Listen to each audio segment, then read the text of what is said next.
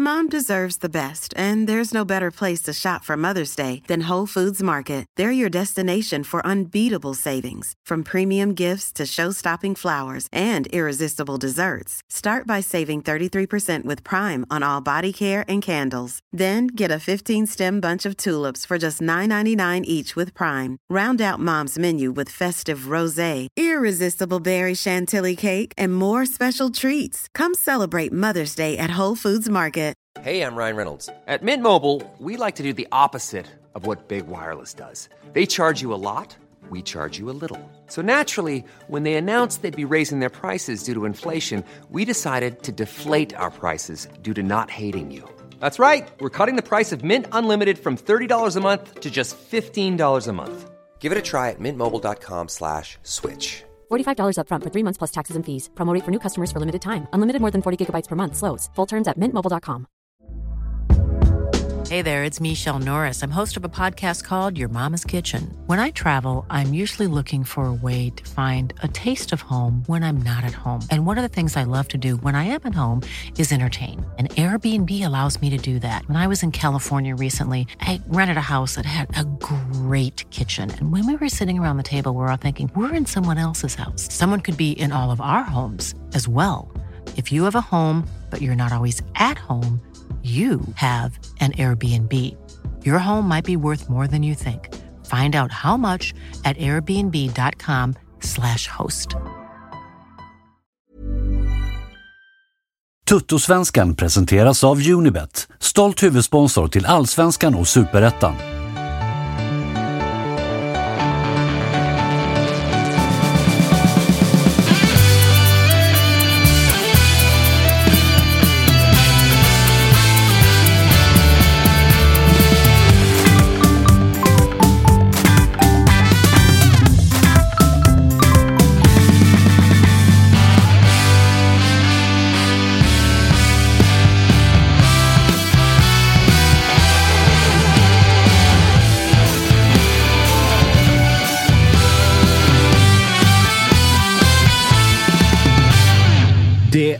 Fredag och det är totala rockader i studion. Eh, Tuttosvenskan tillbaka eh, i sann fredagsanda. Eh, otrolig line-up idag om jag får säga det själv. Hjärtligt välkomna ska ni vara till Allsvenskans både bästa och faktiskt största podcast och hatarna får säga vad de vill. Vi har ett otroligt program framför oss idag. Vi har eh, otrolig närvaro i studion. Kalle, du mår bra? Jag mår bra, jag mår bra, jag mår bra. Chatten, hur mår chatten? Ja, det, det är fan spridda budar tror jag. Jag undrar när de, det första de fick se var det här trynet, men det, det, det tar vi då. Kristoffer Svanemar, Ja, på hörnet. ja, Vad jag i är helvete? Folk behöver inte oroa sig för vabb och grejer. Jag är på plats. Du är på plats. Ja. Vi testar bara att byta lite grann. Ja, Fredagsfeeling. Ja, vad fan, vi roterar lite. Hur, Alltså, det här är eh, den största framgången chatten har, liksom Malmö-chatten har känt av på hela året. Ja, ja. Det är liksom Malmö regerar, vi är Malmö. Såja, Josip. Alltså, vi får de är så oss, jävla nöjda. vi får nöja oss med de små segrarna. De har kuppen och Jossi programleder ett Ja. avsnitt. Ja. Inte vilket som helst. Det är fan eh, avsnitt 99.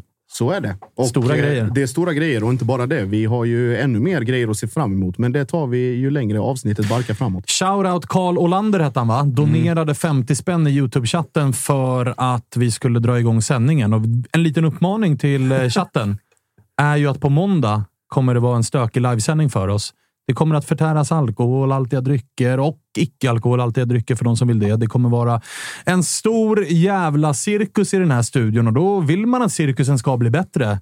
Nej, det finns en donera-knapp i chatten. Det är bara- det är bara... Hur bra vill ni att det ska bli? Tryck på bara. Tryck på bara. Och eh, rekommendation också till, till chatten. Donera inte till Marcus Tapper. Han har ju sitt telefonnummer ute på internet.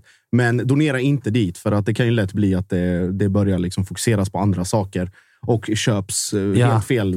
Det kan vara allt från kablar till all möjlig annan Ja, ja, skit som han ja. behöver till Ja, sin ja. lilla verksamhet. Ja. Så det skiter vi i. August Spångberg är här. Välkommen! Mm, tack. Hur, eh, hur känns det att se mig i den här studion? Ja, det, det känns lite ovant att se dig och AC samtidigt. Sådär. Eh, Lite obehagligt, men jag har Seb, Seb där och Svanen till, till mitt vänster, så att det är okej. Vem har gjort Eh. sämst säsong? Josip eller AC? Ja, det är fan Nej, AC har nog varit lite sämre och grinigare. Även om du har liksom försökt ta igen grinigheten här på slutet så eh, tycker jag det är bättre om dig än om AC, får jag säga. Ja, det, det värmer ju att höra. Ja, Och, detsamma? Nej. nej, jo, Nej. det säger väl sig själv. eh, och då chattens och Tuttosvenskans fanbase absolut största favorit, Freddy Arnesson. Ja, är det så? Så Ja, är det. Så är det. Fan vad fint. Kommer man direkt från tranan här med tre kallar i kroppen. Åt- 82 miljoner rikare, dock inte jag, men man kan tro det när man har varit på tranan och käkat lunch en fredag. Biff Rydberg. Ja. Den såg fin Eh, ut. och lite, jag tror de kör Melleruds va, som deras eh, standardlager, så att, eh, det sjönk ner några. En fredag med andra ord. Ja, en man var tvungen att värma upp inför måndag känner jag. Ja, ja, Så ja. man är skottsäker Och- då. För Josip har ju surrat jävligt mycket om måndag. Alltså. Ja, och Jag inte, är redan orolig. inte, inte bara uppladdning för måndag, kanske en liten, liten fortsättning på gårdagen här för Djurgården. Ja, men det tycker jag. Mm. Alltså idag på Suellen eller på söndag eller på måndag. Det avgör du själv. det, Ja, var, det, det bara fortsätter. Det är bara, Konstant fir. Ja. Och så hade ni lite Shamrock på besök också. Och kanske någon Bayern här. var. jag tror det var 50% bajare. Det borde ha varit det i alla fall. De hade ju Gröna Jägaren som sitt eh, ställe inför. Det hade de när de mötte oss också. Ja, Såklart. så det var nog några bajare som smög med där. De Ja. vill nog inte erkänna det.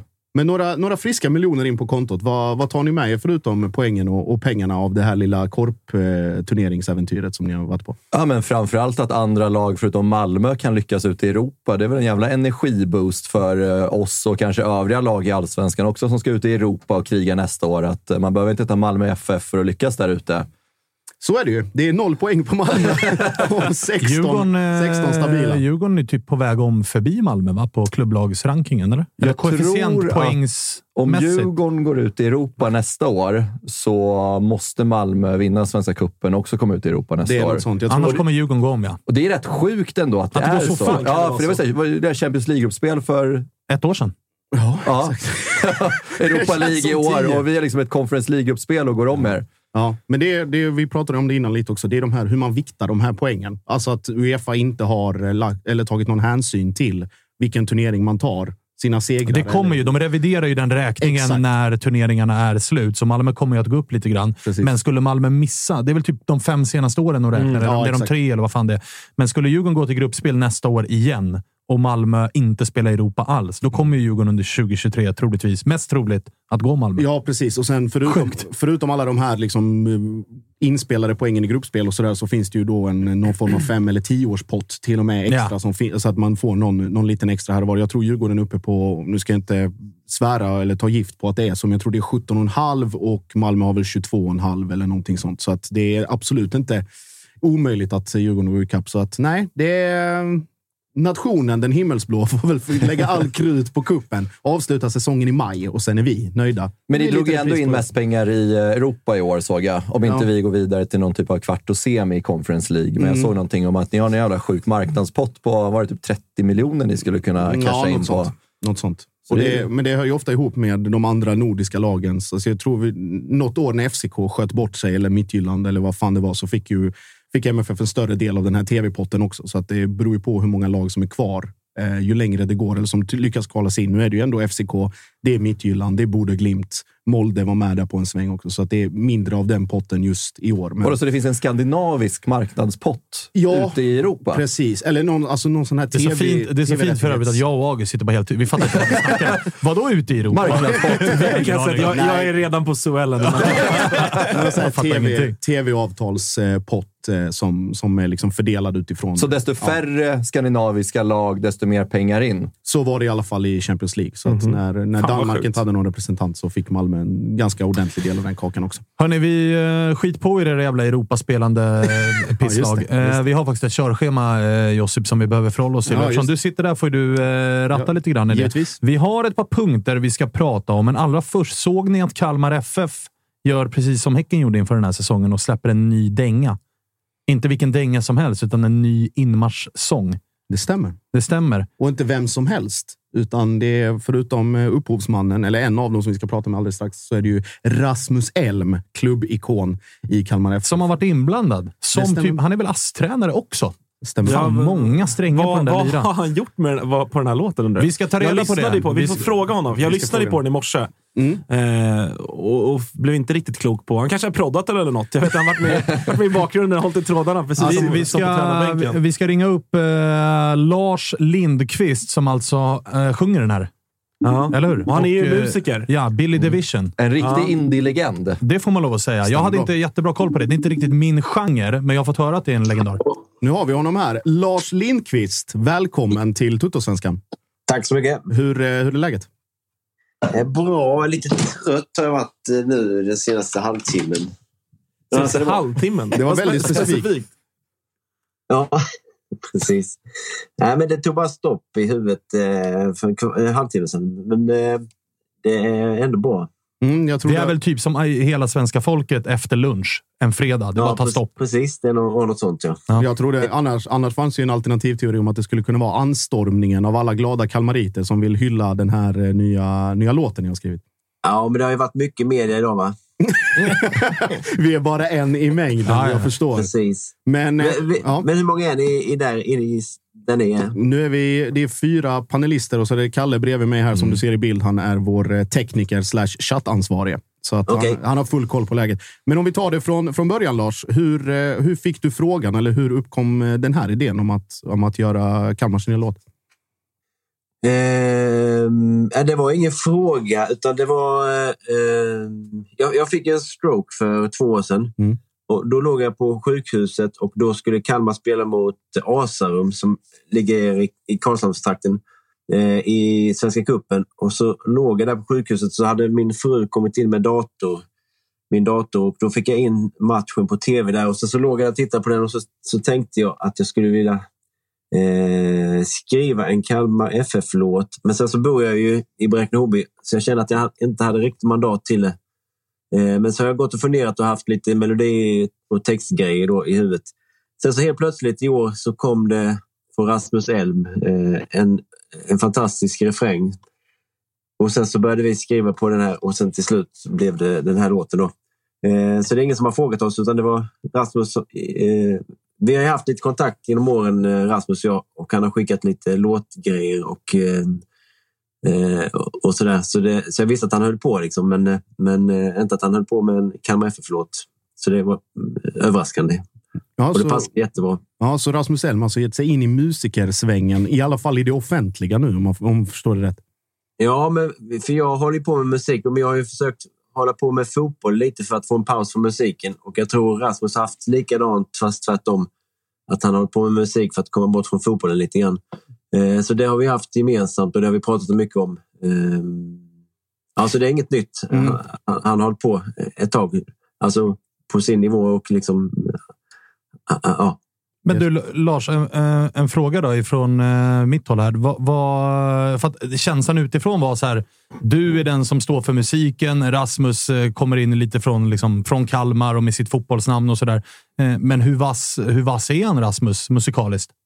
Eh, Men eh, alltså, vi har tjabbat idag. Vi har bråkat för första gången idag. För jag har stimmat låten. Och då skrev jag att 80 procent har Rasmus gjort och 20 procent har jag gjort. Men han tyckte det var tvärtom och så började vi bråka om det. Och så fick jag göra om det så att det blev 50-50. Men, men i, i mitt huvud så är det han som har gjort 80 procent av låten. Och sen så har jag ju spelat in den och gjort allt. Liksom, eh, spelat alla instrument nästan och, tillsammans med Fia, då, min bandkollega. Men eh, så han... Eh, Alltså det var jag inte överraskad över, för han har ju skickat låtar innan. Han är ju jätteduktig liksom. Och han gör det med en lust som eh, är lätt att man tappar bort i, i detta. Har han en eh, framtida karriär här, eller? Ja, men det är ju upp till honom. Alltså, gör man det av den anledningen som man gör det så, så tror jag verkligen man kan göra en karriär, karriär av det. Men sen vet jag inte vad han har för... Det räcker kanske för honom med att liksom bara skriva när han känner för det. Vad, jag menar, det är ju en fotbollslåt, en inmarschlåt till eh, Kalmar FF. Hade ni några, liksom, eh, vad ska man säga, tog ni inspiration av andra inmarschlåtar från fotbollsvärlden eller la ni det helt åt sidan och bara fokuserade på att göra en bra låt för Kalmar FF, om du förstår frågan? Eh, ja, fast vi, vi hade inga tankar på att eh, göra en inmarschlåt utan det var ju bara att vi skulle göra en låt. Eh, eh, vad, vad var frågan nu igen? Nej, men om det fanns inspiration från andra liksom, fotbollslåtar kända så. Nej, det, det tror jag inte det har funnits. Inte från mitt håll i alla fall. Men, men däremot är det en liten blinkning till eh, Just idag är jag stark. Mm, Tänkte jag på. Alltså, just idag sjunger jag ju. Eh, eller jag sjunger. jag sjunger. eh, just idag sjunger jag ju. Eh, Och det är ju eh, det är Rasmus som har skrivit det och jag tänker att det är en liten blinkning till Kentas låt. Ja, passar ju bra. Det har ju funnits tajta band mellan Kalmar och Bayern i, genom åren här, så det, det är inte en helt dum blinkning. Nej. Hur, eh, jag har en fråga om själva liksom, den kreativa processen här. Var det någonting som, som tog tid eller hade ni liksom någon form av ram kring hur det skulle se ut eller låta? Eller, om du förstår frågan. Äh, nej, utan allting har bara varit väldigt lustfyllt. Han har skickat lite grejer och sen så har jag spelat in det och sen så lagt till lite och sen så har vi eh, haft lite åsikter fram och tillbaka. Och, eh, vi har inte tänkt någonting utan det har varit otroligt eh, roligt projekt och jag eh, har inte liksom, kommit igång riktigt efter stroken så det var nästan första gången jag har, eh, jag har känt den lusten igen. Liksom. Så det har varit underbart. Mm. Har du, någon, eller har du nå- hört någonting av de andra liksom inmarschlåtarna eller har du koll på den, den biten av eh, allsvenskan sedan tidigare? Eh, nej, för jag kollar ju mest på eh, allsvenskan på tv då, och då missar man ju ofta eh, inmarschlåtarna. Jag vet inte om det har med rättigheter att göra, men jag har... Eh, eller vet ni det? Ja, det är en bra det- fråga. Ja, det är det att där, min bild är väl att det där är liksom högst eh, subjektivt och individuellt beroende på lite grann vem som kommenterar. Huruvida vissa är, gillar och är väldigt snabba på att eh, släppa på liksom supportersång inför match och, och vill låta stämningen tala medan vissa gillar sin egen röst lite för mycket kanske och vill, vill prata genom eh, inmarschlåt. Så det, är- det är min bild i alla fall, att, att det är väldigt individuellt och från match till match och från vilken kommentator det är och sådär. Precis, och dels, dels stämmen, dels också när sändningen, eh, om det är i, i linjär eller om det är liksom eh, på play, när sändningen går på, att man klipper på. Ja, eh, klipper in också. sändningen alltså precis när spelarna går ut och då är det väl ofta lite kvar av marschlåten Mm. eller när man, när man väljer att gå på. Liksom. Så att det, det är individuellt. Eh, jag, jag bodde i Malmö i tio år och försökte bli Malmö FF-fans, men jag kunde inte bli det av någon anledning. Men eh, i alla fall, jag tycker deras eh, MFF-hymnen är ju fantastisk. Den har det? jag alltid tyckt. Den var... mm, Ja, August, är krit, August är kritisk här. Han eh, höll inte riktigt med om att den var... Nej, eh, eh, eller gillar du Malmö? Jag Ja. gillar Malmö. inte- Josip gör det. Jag gillar ju AIK framförallt. Va? Ja, ja, för det är många. För jag har pratat med många MFF-are som inte gillar den. Nej, den är väl lite är vattendelare även i, Ma- i Malmöled, tror jag. Även om alla kanske inte vill erkänna det. Ja. Ja, lite, väl uppfattas lite pompös av vissa. Så är det. Men eh, i ett tidigt skede när du skulle börja skapa den här låten, gick du igenom samtliga allsvenska lags inmarschlåtar då för att få lite inspiration? Och, eller har du bara lyssnat på Kenta och eh, Malmös låt? Eller har du kikat runt lite också och hittat lite inspiration från andra håll? Nej, nej, nej. Och det, detta var ju, alltså det var ju Rasmus som kom med liksom, det är ju han som är liksom upphovet till hela alltet. Så jag hade inga tankar på eh, inmarschlåt överhuvudtaget. Och jag har inte lyssnat mycket på, utan det är Malmös, eftersom jag kanske kollat lite mer på Malmö. Eh, och, och sen Kenta gillar jag ju liksom, men inte mer än så. August. Men jag jag måste bara fråga, vad, vad för dig? Jag lyssnade på låten i, i morse en gång visserligen bara, men eh, och nu låter det som att kanske Rasmus har varit med och skrivit merparten, men jag gissar att du ändå liksom på något sätt har haft ett finger med i spelet även liksom vad gäller texten. Eh, om du får liksom på något sätt sådär, vad var viktigt för dig eller, och även för Rasmus kanske, då, men vad, vad var viktigt att få med som liksom på något sätt ska symbolisera Kalmar FF så att säga?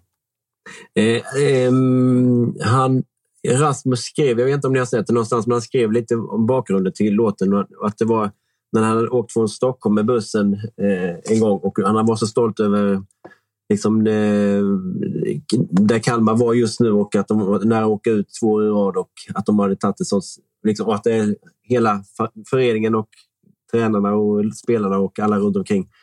Eh, han var så stolt över det liksom, och det var ju där låten liksom började och det var där han fick melodin från. Eh, han har skrivit mest av texten också, Yes. Rasmus. Ja, mäktigt ändå. Ja, är, är, är, är det här någonting som Ja, det, ska jag måste bara säga det. Alltså, Ja. Det är ju ingen annat, vad jag vet i alla fall, eh, allsvensk lag som har eh, en gammal spelare som har gjort inmarschlåten. Nej, det har jag fan aldrig talas om. Det är väl typ Kevin Walker som skulle kunna göra något för Örebro. då, Men, men, eh, Ja, det. alltså, han, är ju, fall. han är ändå musikalisk och, och musiker. Martin Mutumba skulle ju kunna skriva om OV AIK, men det hade ju blivit någon special edition Mm. rap-variant. Liksom. Men, men i övrigt så har man fan aldrig talas om det. Ja, Malmö, kom Malmö kom väl närmast fram till det med eh, Mattias Conchas bror, tror jag att det är, som är med och kör Ja, men det är en- operadelen. Det är en av- stretch. Det är en stretch. Det är så nära vi kan komma. Lars, i alla fall, stort, eh, stort grattis till, eh, till låten. Stort grattis till Kalmar FF säsong, får vi väl ändå säga. Ja, verkligen. Och, och eh, så får vi önska fortsatt lycka till framöver. Ja, tack så mycket för Tack att för- ni ville ha med mig. Tack, tack. Ha det Ha det bra. fint. Ha det fint. Ja, det var. Ja, fan vad mäktigt. Jag trodde verkligen Rasmus var med som en liten reklampelare bara för låten. Men Ja. Han verkar ha gjort eh, merparten av det. Klinkat lite på pianot bara, så har han liksom editerat om den Ja, om, om slingan. ens det. Vad var det Jocke skrev i chatten? Triangel? Gurka. Berömda gurkan. Nej, han verkar ju uppenbarligen ha gjort... eh, 80-20 ändå till hans 80-20, favör. Ja. Det sen, är väl. Sen är det väl två... Det verkar ju vara två ödmjuka herrar där båda säger nej, men du har gjort mest. Nej, men du har gjort mest. Nej, men du är bäst. Rimmar väl med Ja, Kalmar det, FF. det gör det Man vill ju se fördelningen där av Tror inte att det är något. För det här är ju en kassako. Ja, det, det vet man ju. Fan, man vet också att Jocke är missundsam och önskar att han var själv lika musikalisk. Om, om, att, han ens kunde, om att han ens kunde spela triangel eller gurka eller vad fan det var. Det Det är dags för oss att släppa en låt snart. musikalisk. Hörni, ska vi- Jocke är väl musikalisk? Ja, Jo, jo, men han önskade att han var så musikalisk som Ah, Rasmus Elm. okej, okej, okej. Hörni, ska vi... Eh, vi måste göra det. Det är ett program om allsvenskan. Vi kan inte bara vara glada och ha kul och sådär. Det är tråkiga nyheter som eh, rör vår eh, kära serie idag. En allsvensk legendar har gått ur tiden. Igor Sypniewski. RIP Igor. Verkligen. Alltså, vilket liv han har levt. Och vilken jävla fotbollsspelare det var. Ja, i sina bästa stunder. Nu, är det ju, nu ska vi ju gå långt bak för att vrida bak klockan så att vi knappt själva vet vad vi hette. Eller vad vi men många av våra eh, yngre i chatten här har nog aldrig sett Igor Sypniewski. Nej, och det var ju en gudabenådad fotbollsspelare när allting stämde. Eh, och hade väl lika mycket, hur ska jag säga, mörker som han hade fotbollstalang utanför planen när det började gå snett. Och han eh, han blev väl mest känd för, för svensk eller allsvensk publik i Halmstad. När han visade eh, precis vad han kunde och vad han kan vara kapabel till sina bästa stunder, liksom nästan bäst i allsvenskan.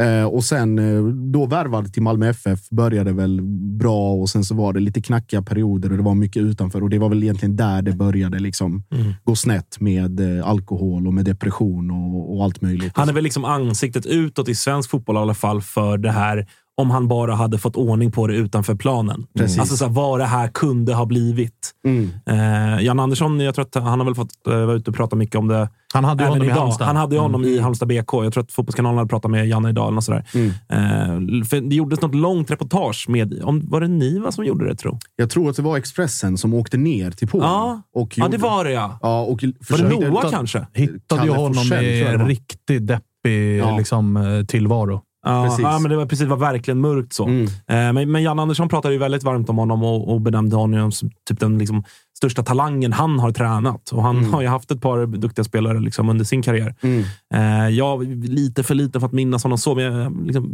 minns delar av det. Men Mm. framförallt är det ju det runt, om, runt omkring planen som, som man minns och som det blev rubriker av. Ja, jag menar, det var ju, han var ju, vad det uppdagades i alla fall, alltså alkoholist utanför ja, fotbollen. Jag menar Eh, när han spelade. Ja, ja, när alltså han inte spelade. nu efter karriären, utan, nu när, han, spelade. När han spelade och sen efter karriären så blev det väl, som jag har läst mig till, både det ena och det andra. Och jag menar, när han var i Polen så var det liksom ena helgen så var det fotbollsmatch där han var bäst på plan.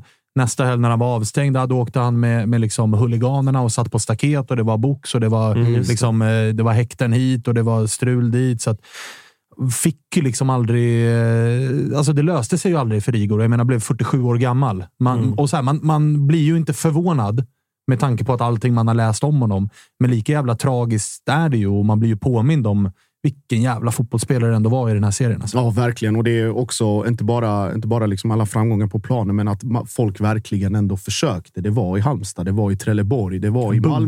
I Bunkeflo, det var i Malmö. Det var liksom folk man hoppades och trodde hela tiden. Och det, jag vet nere i Malmö, många har ju frågat sig liksom så här, i flera år efteråt, kunde vi gjort något annorlunda? Eh, Inte i MFF, men runt omkring. Att kunde vi gjort någonting annorlunda? Kunde vi hjälpt honom? Kunde man liksom kommit med någon insats någonstans?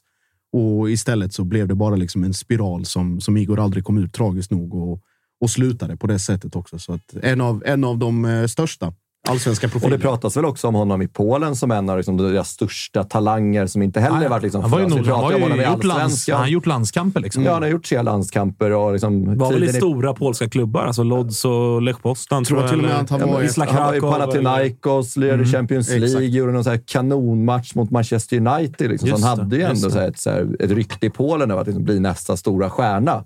Men fick ju aldrig liksom ut sin maximala potential på grund av ja, det vi har varit inne på, liksom, stökeriet utanför fotbollen, tyvärr. Verkligen, och det, blir intressant att se också. Jag tror att det kan bli till och med någonting, något initiativ i Malmö på någon vänster. Att man gör någon, antingen någon minnesplakett eller någon form av hyllning till, eh, till Igor. För att han var ändå han var ändå så pass stor som han var. Sen om det blir i Halmstad också eller i någon annat sammanhang. Men Malmö, Malmö minns honom med värme fortfarande trots, trots allting som man, man, Vi... Eh, vad vill du säga Fredde? ja, men man vill ju också minnas honom. Det var det typ 2001, 2002 han gick till Malmö.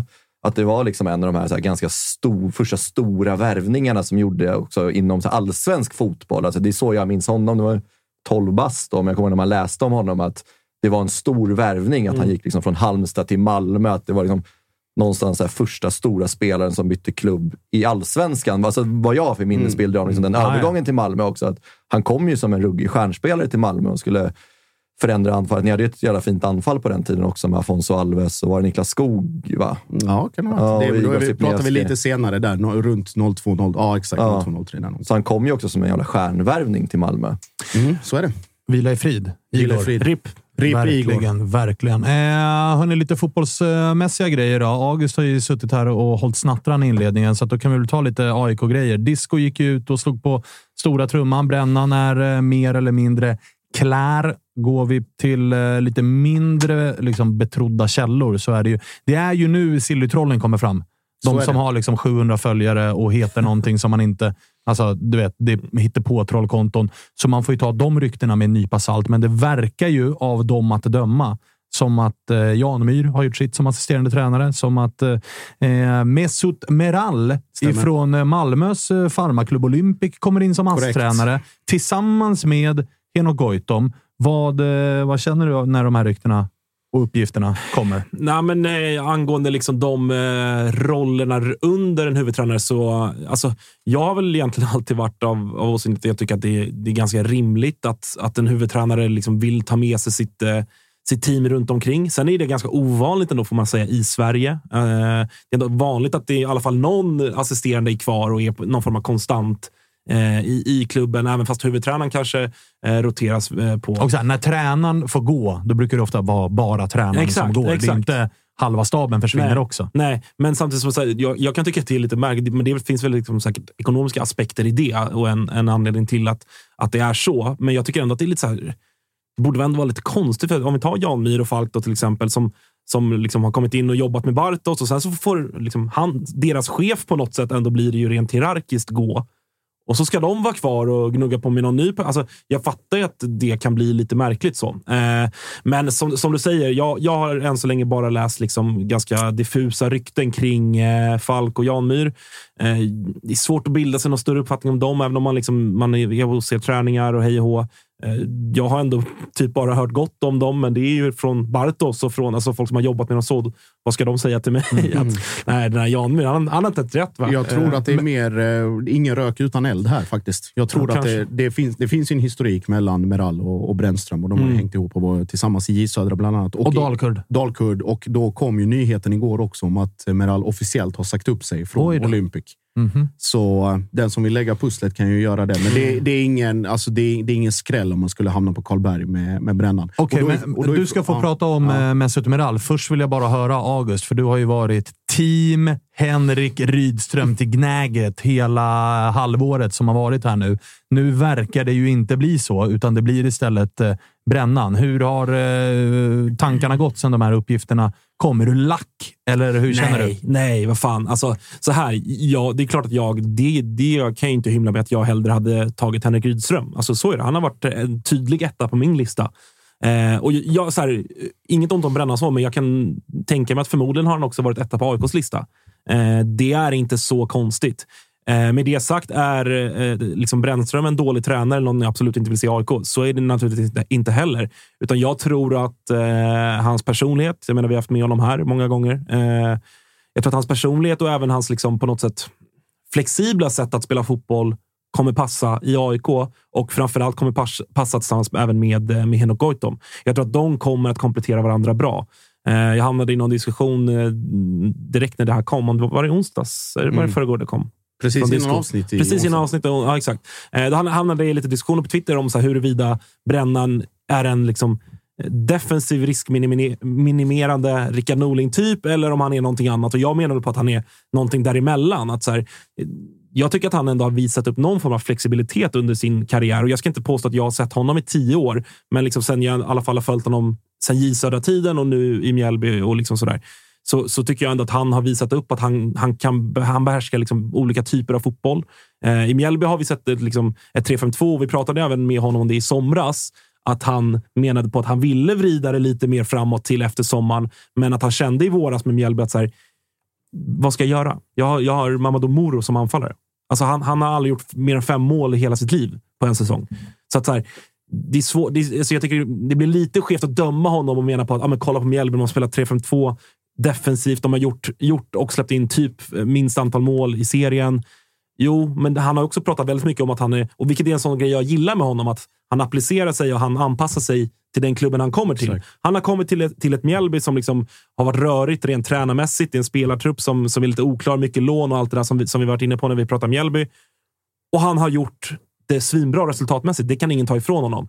Sen så här, har han spelat den roligaste fotbollen? Nej, men har han, har han ett så roligt material att göra det med? Det tycker inte jag heller. Nej, och det, Ehm, Och jag har ju lagt ut min text om eh, vad jag tycker om Brännan i eh, den AIK-podd jag gör som heter Testa stör, så jag ska inte bli långrandig där. Men det jag gillar med Brännan är att så här, ett, har han misslyckats i någon klubb han har varit i? Svar nej.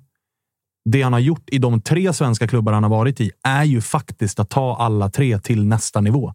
Han tog Dalkurd från division 1 till allsvenskan. Vi minns när han var uppe med Dalkurd. Där går det verkligen att ifrågasätta spelarmaterialet. Men det var ingen offensiv eller det var ingen defensiv fotboll Dalkurd spelade.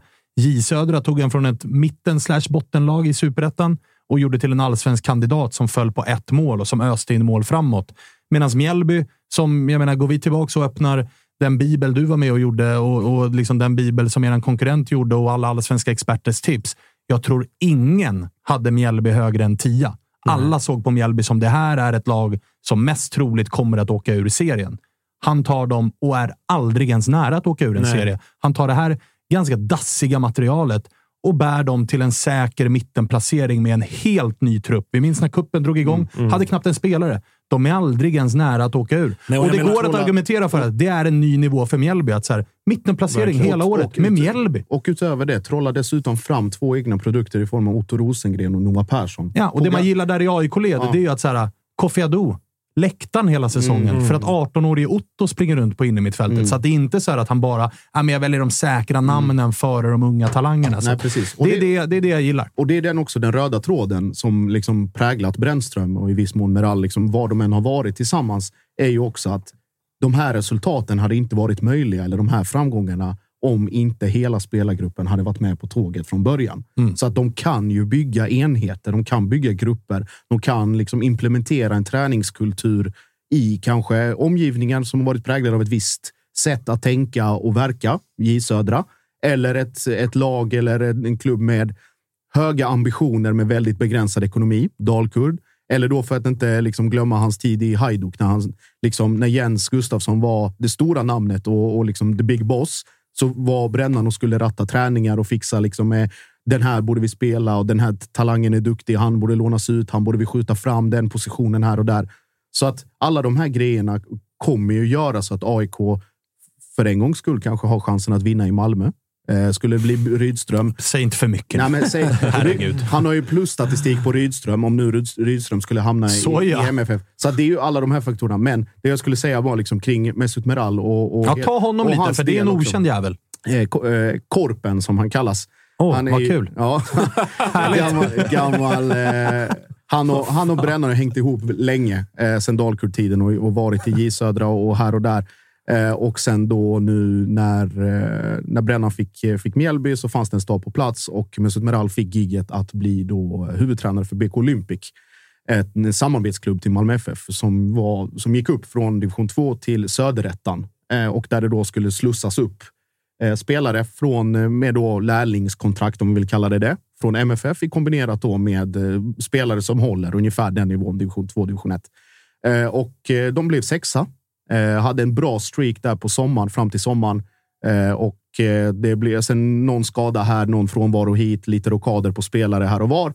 Men slutar sexa och lyckas, då lyckas eh, Meral alltså få fram två nya A-lagsspelare till Malmö FF som egentligen ingen trodde skulle hända på så kort tid. Det vill säga Samuel Kotto, ett nyförvärv från, eh, från Afrika som började träna med A-laget, men som man märkte direkt att här finns det liksom mycket att lära och hämta och fixa.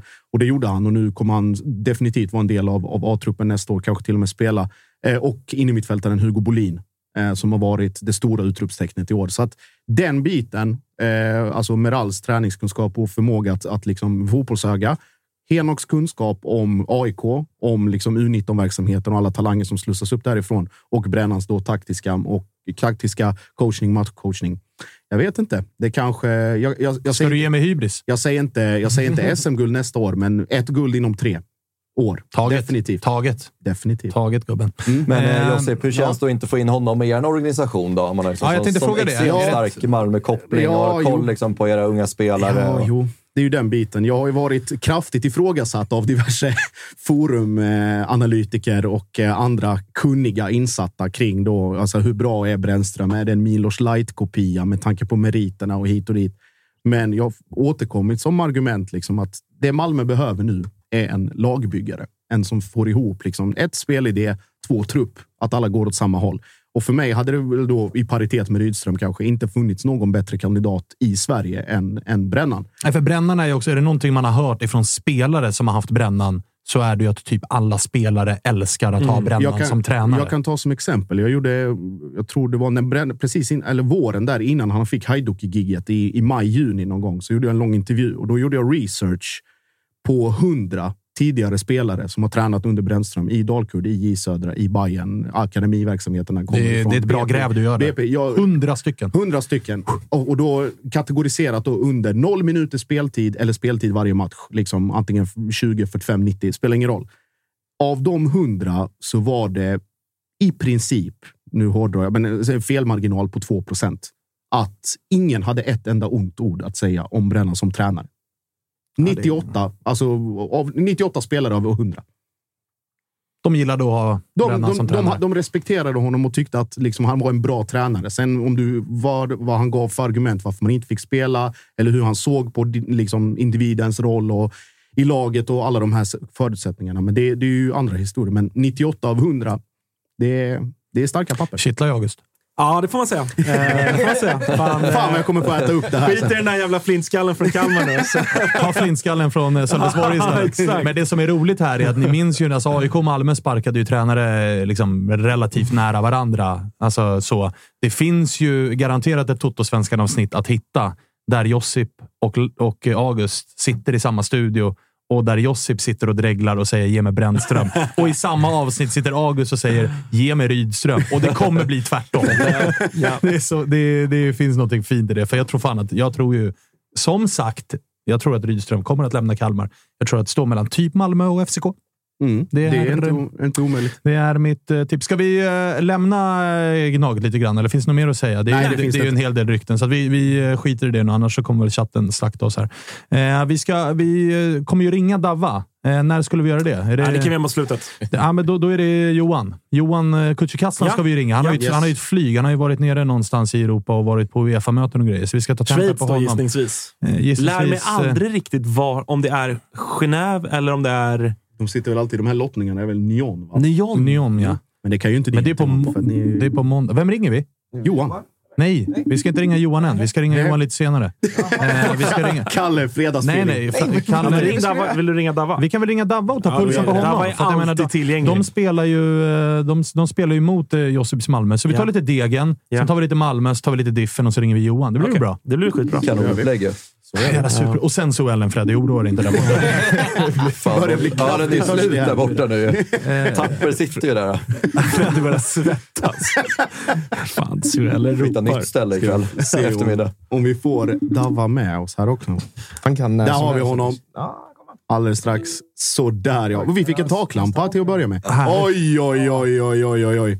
Fredagsbiran hos Davva. Fredagsstämning i Degerfors. Satan. Hur är läget? Jag måste börja... Dava, är, du, är du barnfri eller? Eh, Ja, absolut. B- Barnfri helg? Nej, nej, nej. Så bra ska vi inte ha det. Jag tyckte du såg så jävla nöjd ut att du hade skickat iväg tjejen och barnen på någon eh, två veckors resa här nu så att du får hantera ett eventuellt kval i lugn och ro. Men eh, inte, inte så bra. Ja, men jag är lite inne på Freddys spår där. Liksom. Jag har hört att måndagen ska bli lite utöver det extra. Så man bygger upp ett eh, motstånd mot alkohol redan nu. Liksom. Det är bara att ligga i vinddraget här på måndag. Det beror ju på.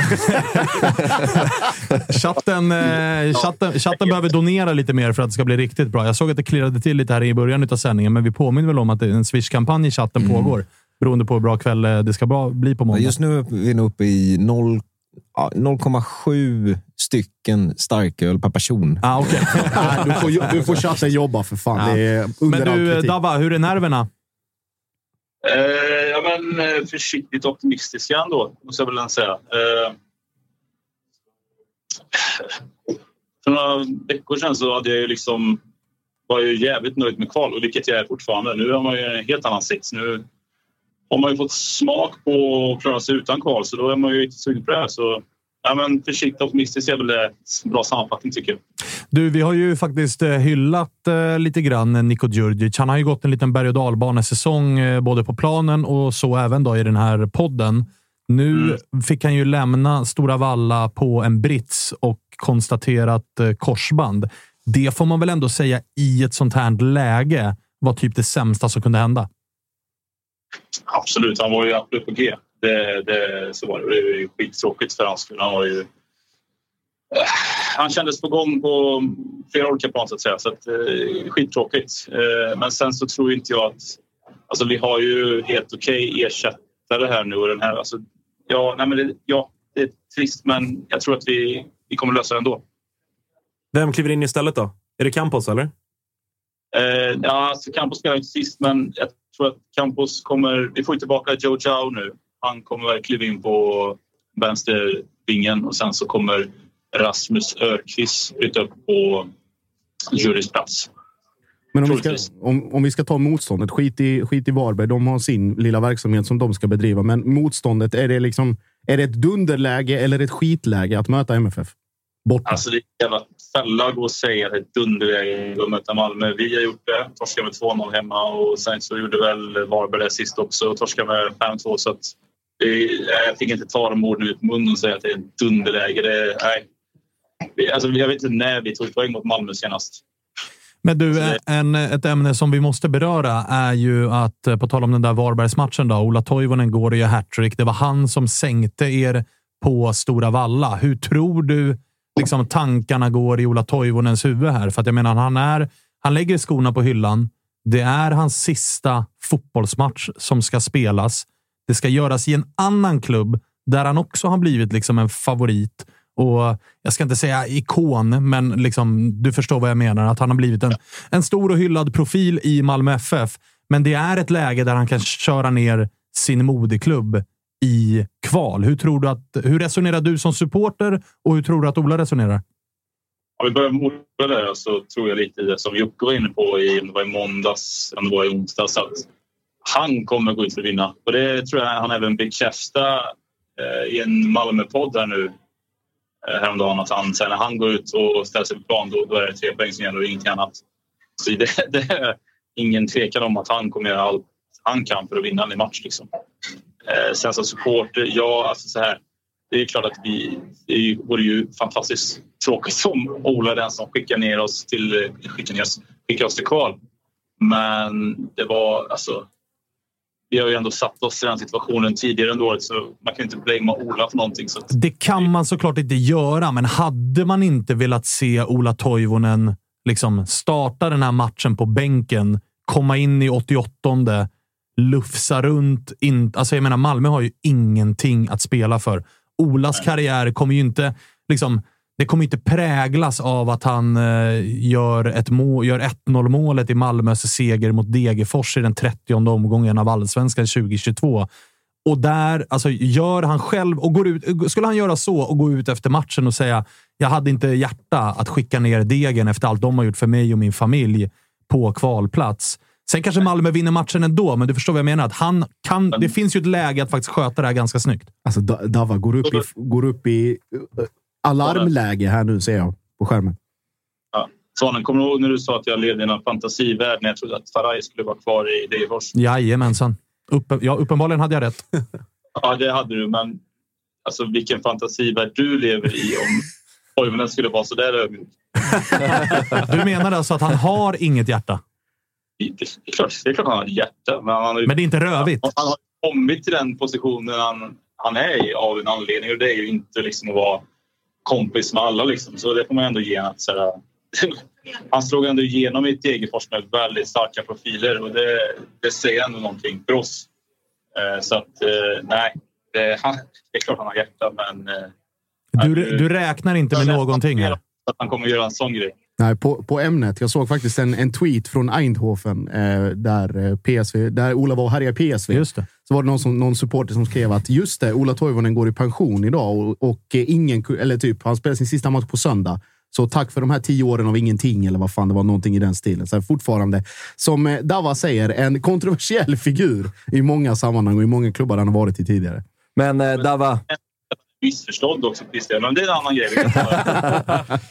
Dava, kan vi förvänta oss att hela Degerfors åker ner till eh, Malmö då på söndag? Det är tomt i stan. Ja, ja, det, alltså det kan det... Nej, det tror jag inte. Eh, jag tror att det inte blir mer än... Jag kan ju kolla. Jag har ju SLO sitter där. Han har ju stenkoll på... Ja, men då så. Tjena SLO! Tjena Degerfors SLO! Hallå Slo! Där säger han. Nej, Vad sa du? Det blir under hundra stycken ungefär.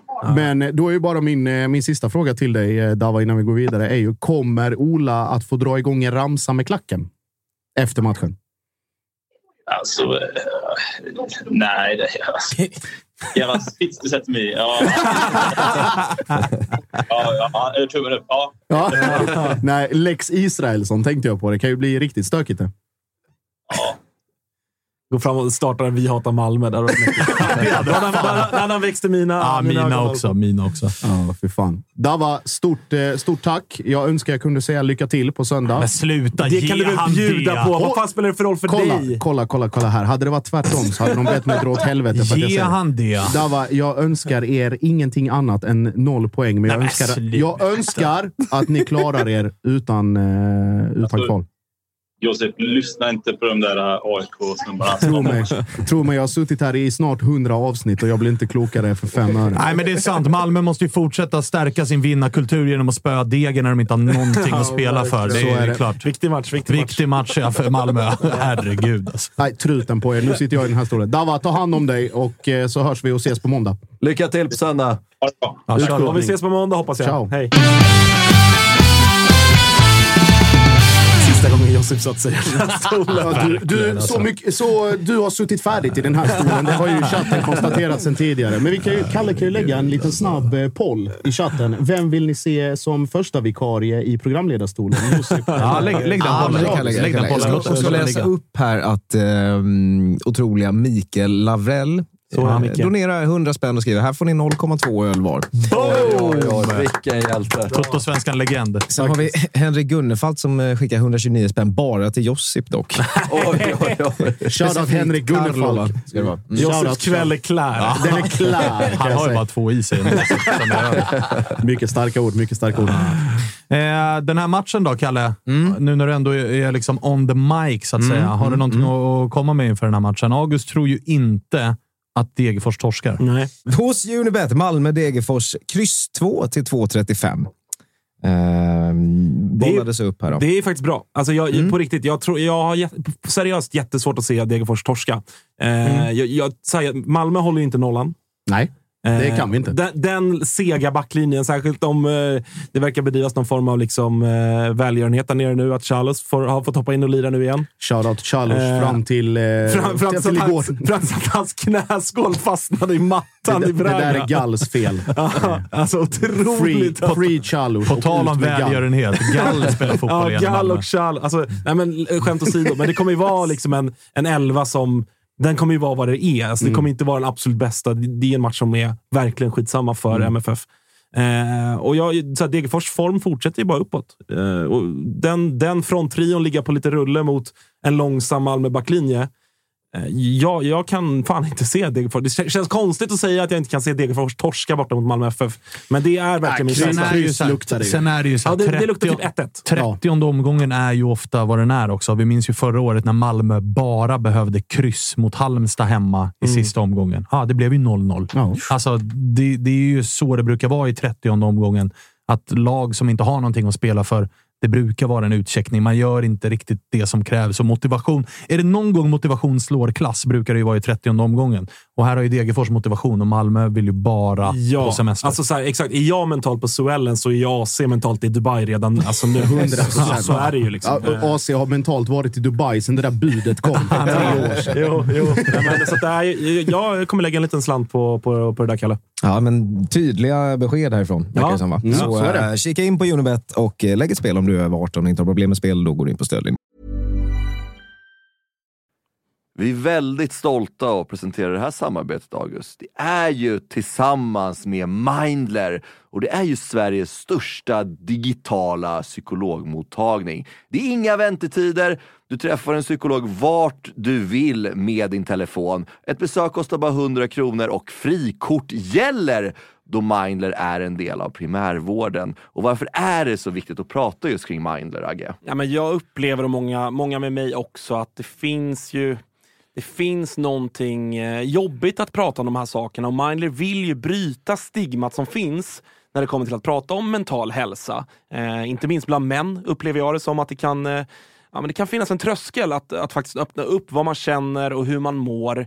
Och därför tycker jag att det är väldigt glädjande att på senare tid så är det ju många idrottsmän och kvinnor, några i allsvenskan, som har öppnat upp och pratat om eh, sin psykiska hälsa på ett väldigt fint sätt, vilket jag tror eh, man kan vara med och bidra till att bryta det här stigmat. Verkligen, och du hade ju en liten intressant gäst i eran podd för några veckor sedan. Det var AIKs psykolog med. Lyfta ja, någonting exakt. kring det här. Ja, men det var intressant. Eh, Jon Hasselqvist heter han och eh, det var ett eh, väldigt intressant samtal där vi, där vi kom in på hur mycket det mentala spelar in i form av prestation, men också hur viktigt det är att man som människa ska må bra för att prestera. Och Det går ju att applicera såklart på fotbollsspelare, men också på sådana som du och jag, alltså vanliga människor i sin vardag.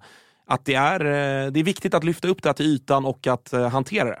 Verkligen, och känner ni att ni vill ha någon att prata med så finns ju Mindler där för er. Och det som är så himla bra är att du väljer själv vilken psykolog du vill prata med och du kan byta om du känner att ni inte riktigt klickar. Och Mindler finns ju för alla som är plus 18 år. Så gå in på mindler.se och läs lite mer och boka din tid hos en psykolog redan nu om ni känner att ni behöver liksom hjälp kring det här ämnet. Stort tack till Mindler. Vi är glada att Tuttosvenskan görs med våra vänner på HelloFresh. Och många där ute, inklusive oss, börjar kika på att använda mer växtbaserade och hållbara ingredienser när det kommer till just matlagning. Och nu har våra vänner på HelloFresh via sitt nya samarbete med Oatly nöjet att presentera massa nya rätter på veckomenyn med just Oatlys havrebaserade i-mat. Och varför i-mat, Dage? Ja, men det är väl kanske en fråga man ställer sig, men det är ju så att det är en ingrediens med 61 procent mindre eh, CO2-utsläpp och 83 procent mindre mättat fett än traditionell grädde. Så det är ett väldigt bra substitut. Ja, men och denna vecka så har vi kollat på HelloFresh hemsida och eh, botaniserat lite kring recepten som innehåller just i-mat. Och min tydliga, tydliga favorit är den soltorkad tomat rigatonin som ju har då lite soltorkade tomater, det är körsbärstomater, det är rucola, zucchini, riven ost Ja, men ni hör, en väldig massa smaskiga grejer som blir en krämig pasta. Just att använda rigatonin, Freddy, som jag vet att du gillar också, som just suger upp all den här såsen. Mm, den är en favorit hos mig. Verkligen, och jag gick faktiskt händelserna i förväg och testade redan förra veckan deras medelhavsinspirerade räkgryta med just i matsåsen och sen lite, lite, lite fint långkornigt ris. Eh, och Agge, vi har ju som vanligt en kanonkod också med våra vänner på HelloFresh. Den, den, den, den hoppas jag folk kan nu. Ja, det är ju Fresh Tutto. Du får upp till 1359 kronor i rabatt på dina fem första kassar om du inte har prövat HelloFresh ännu. Plus fri frakt på den första matkassen. Och det som är så bra, har du inte använt HelloFresh på över 12 månader så gäller koden även dig. Så gå in på hellofresh.se och lägg en beställning på en riktigt fin matkasse redan nu. Testa HelloFresh, testa Oatlys i-mat. Vi säger stort tack HelloFresh. Vi är sponsrade av eh, MQ, August. Eh, Mm. Det har varit, eh, vi har gått nu hela säsongerna. Först vinter och sen så förvår när man ska ha overshirts på sig. Man kanske vill ha en liten fleece. Och nu äntligen är försommaren här. Och då kommer också Dobbers nya sommarkollektion som de kallar för Sunset Horizon Club. Den här spången är inspirerad av surfen. Just det. Det, det, det är väldigt... så här, Om, Vad har du för relation till surfen? Ja, men stor relation. Varit i Brisbane eh, ser. och eh, där är mycket windsurfing. Sen så ner till Byron Bay där, där jag testade på vågsurfing. Och sen höll jag på att stryka med på, eller utanför Kota Beach då, när det kom en sju meters våg och tog mig. Ja. En minut och 30 sekunder senare så hittade jag upp till någon slags yta, skrapsår överallt. Den här kollektionen är då inspirerad av eh, surfen. Det kan man se i silhuetterna. Det är väldigt trendy att eh, gå i lite mer raka silhuetter nu för tiden. Du gillar den? Ja, men jag gillar den. Eh, jag tänker att vi kan prata lite om de olika nyckelplaggen som ju finns här. Det är ju eh, knälånga shorts till exempel. Skjortor med print och lite brodyr i lite olika färger som jag tror kommer vara ett eh, stående inslag på inte bara Stockholms gator utan Sveriges gator när sommaren kommer. Vi har också en hel del overshirts till de lite ljumna sommarkvällarna. Sen så gillar jag en trend som har kommit som också hittar in i Dobbers eh, sommarkollektion här som är sets med både shorts och overshirt. Exakt. Kortärmad overshirt som man Mm. kan gå, gå runt i. Jag, jag gillar det. Så är det. Och även eh, linnet. Det är mycket olika typer av eh, texturer och material i den här kollektionen. Linne står sig fortsatt starkt, men det finns också en eh, he- hel del tencellskjortor och, och annat. Bomullsutmanaren Tencel. Ja. Om ni inte har testat det så kan jag rekommendera. Väldigt mjukt, luftigt, härligt. Ja, men så är det. det finns någonting för alla. Hur gör man då för att handla det här, Thomas? Jo, man går in på mq.se eller så besöker man sin närmsta MQ-butik. Eh, Där hittar man ju såklart eh, Dobbers sommarkollektion som alltså heter Sunset Horizon Club. MQ.se eller någon av butikerna. Vi säger stort tack till MQ. Den där eh, kommunikén då, Josip. Du, du, du behöver inte läsa upp den, Nej, för då, det går ju hela programtiden åt till det. Men, det. men, för den var lång satan. Men Ja. liksom, summa summarum så skrev ju norra läktaren Malmö det som du har eh, tjatat dig blodig om här i ett par ja, fan månader. Ja, att så här, blir det till hallå. Mm. hallå, vad är det som händer? Vi i Malmö FF höjer. Ja, och eh, äntligen för, för mångas eh, skull. Jag vet inte om det var en ögonöppnare för vissa eller för andra, men det blev ju någon form av ansvarsutkrävande från ledningen till slut. Att det, liksom, det, det ser ut som det gör på planen av en anledning. Spelarna är en faktor till det. Tränarrockaderna är en annan. Men tränarrockaderna beror också på ledningsbeslut. Eh, och det var, det var mycket om, så här, hur ska jag säga, kängor både rakt ut och lite mer subtila till diverse olika. Men framför allt var det ju eh, liksom överlag en uppmaning till, eh, till att liksom mobilisera inför kommande årsmöte. Att fundera, att skriva motioner, att då främst genom ett medlemsmöte här då extrainsatt eh, sådant få en förklaring eh, först och främst från eh, de ansvariga för hur det har sett ut och varför det har gjort så som det har gjort.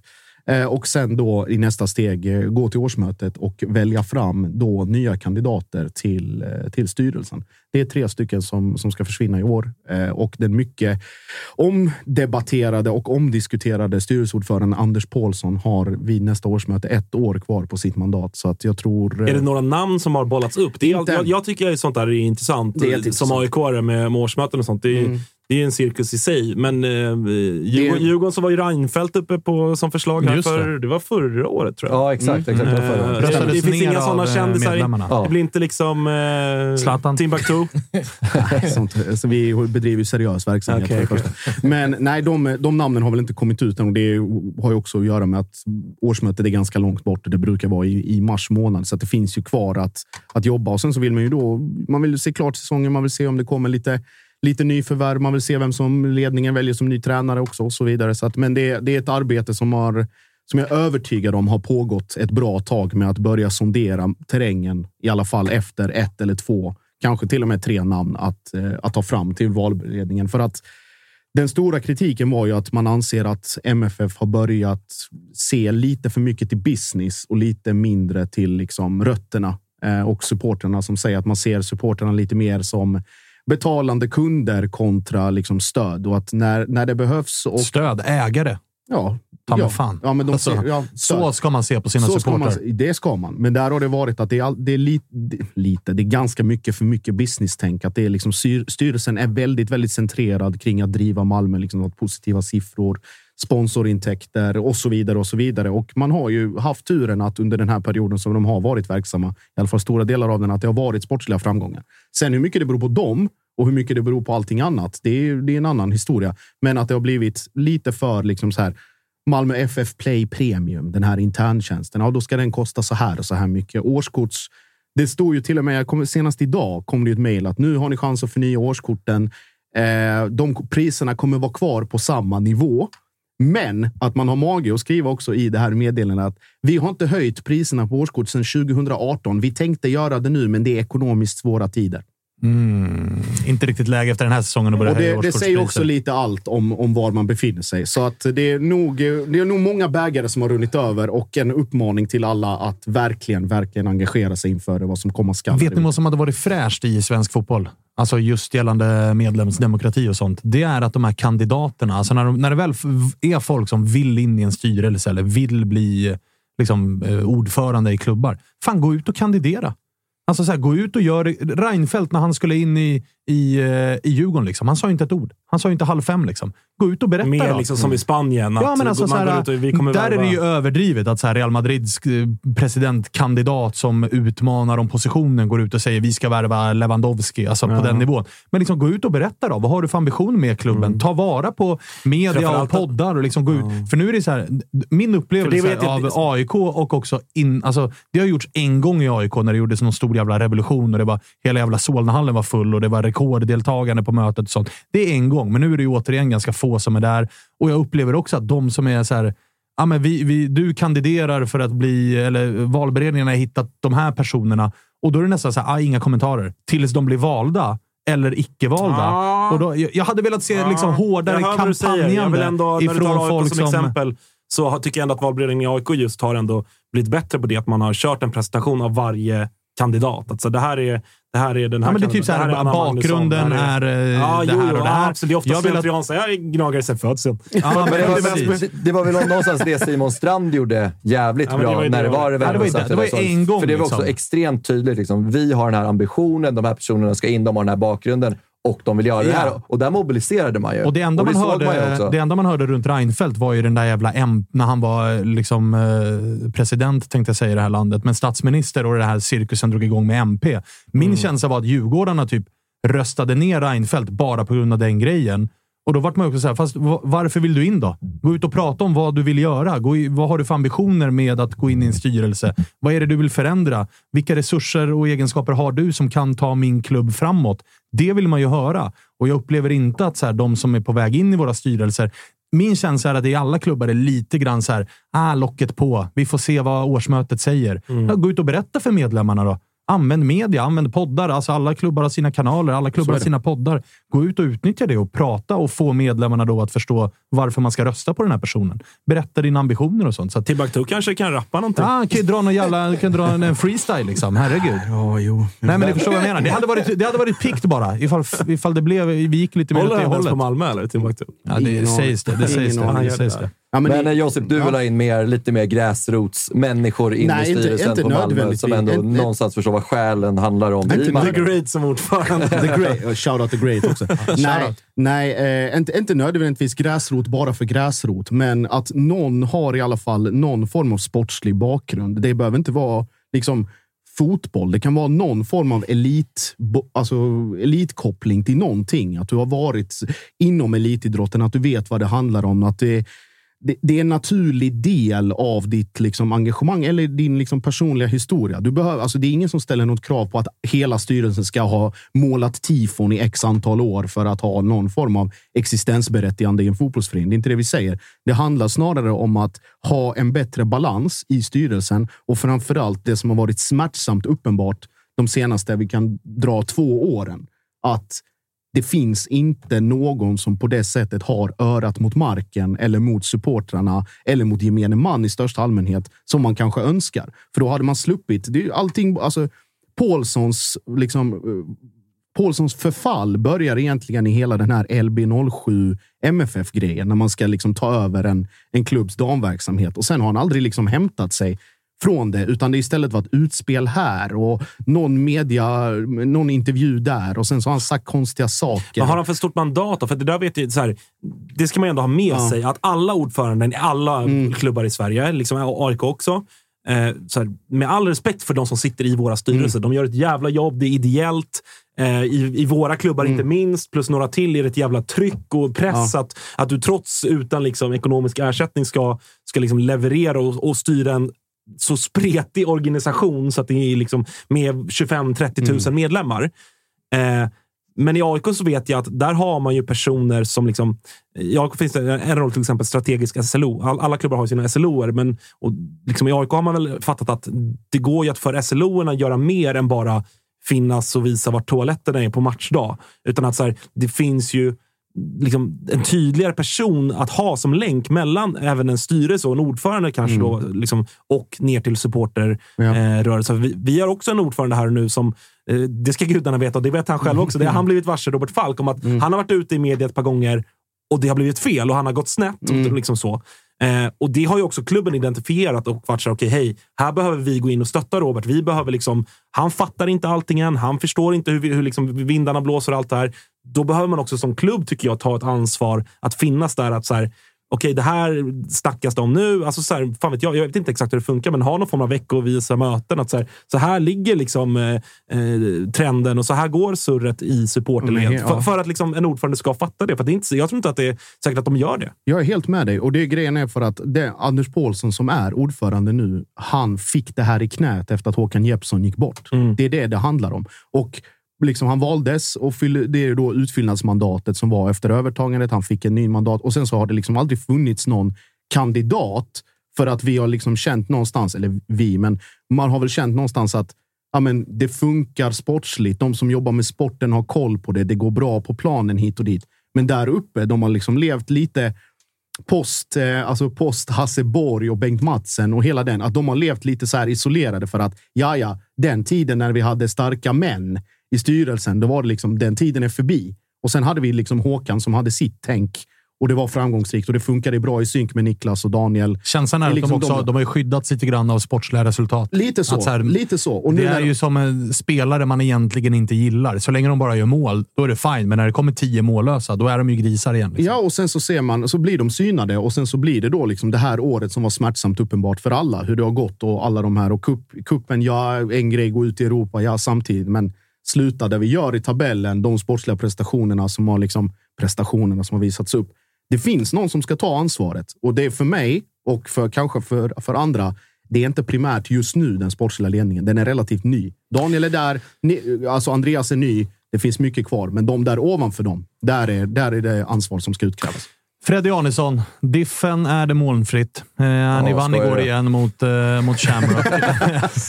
eh, du, eh, ifall, jag vill, eh, ifall jag ska börja och försöka vrida det här till något negativt. Bara 16 000. Är, är ni lite mätta med Europa nu? Ni vill ha de stora drakarna. De här små Shamrock och det här. Det duger inte längre. Ja, nej, men man var lite besviken på publiksiffran igår. Var det 16 800 någonting? Det var en dryga 18 000 sålda. 2 000 ute i skärgården. Båten ska upp. ja. Höstlov då. Ja, det är Nej, ver- men, eh, verbier på hälften och resten tar upp båten. Nej, men det tycker jag man kände lite också. Jag tyckte Sofia läktaren gör bra jobb som vanligt, men jag tyckte man märkte lite också på planen och lite på läktaren att eh, det här är mer en match vi, vi ska spela hem. Eh, man varit lite nostalgisk när man stod där på läktaren. Man började tänka tillbaka till liksom Rijeka-matchen. Liksom. Det var lite sådana tankar. Man bara stod och mös lite igår egentligen. Eh, men det är klart, man hade önskat en, en större publik. Framförallt också när eh, Shamrock kom med det största följet vi haft på vår kära hemmaarena under Men hela Conference. League. Exakt.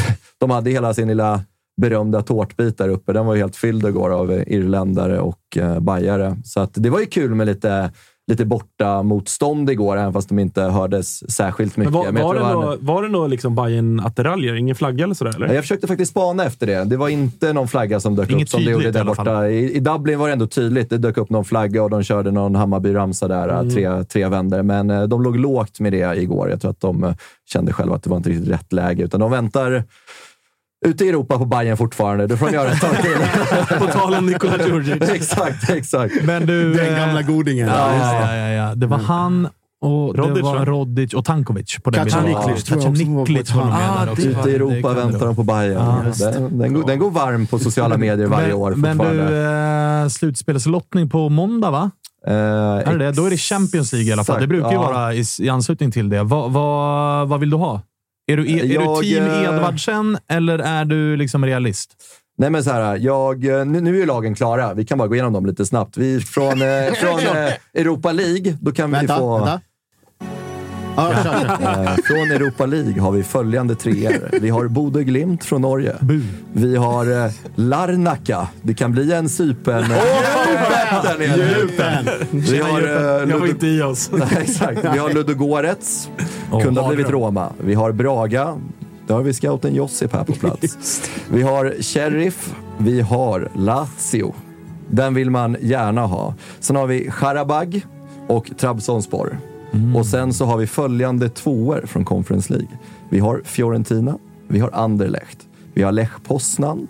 Vi har Partizan Belgrad. Vi har Dnipro. Vi har Gent. Vi har Cluj och vi har Basel.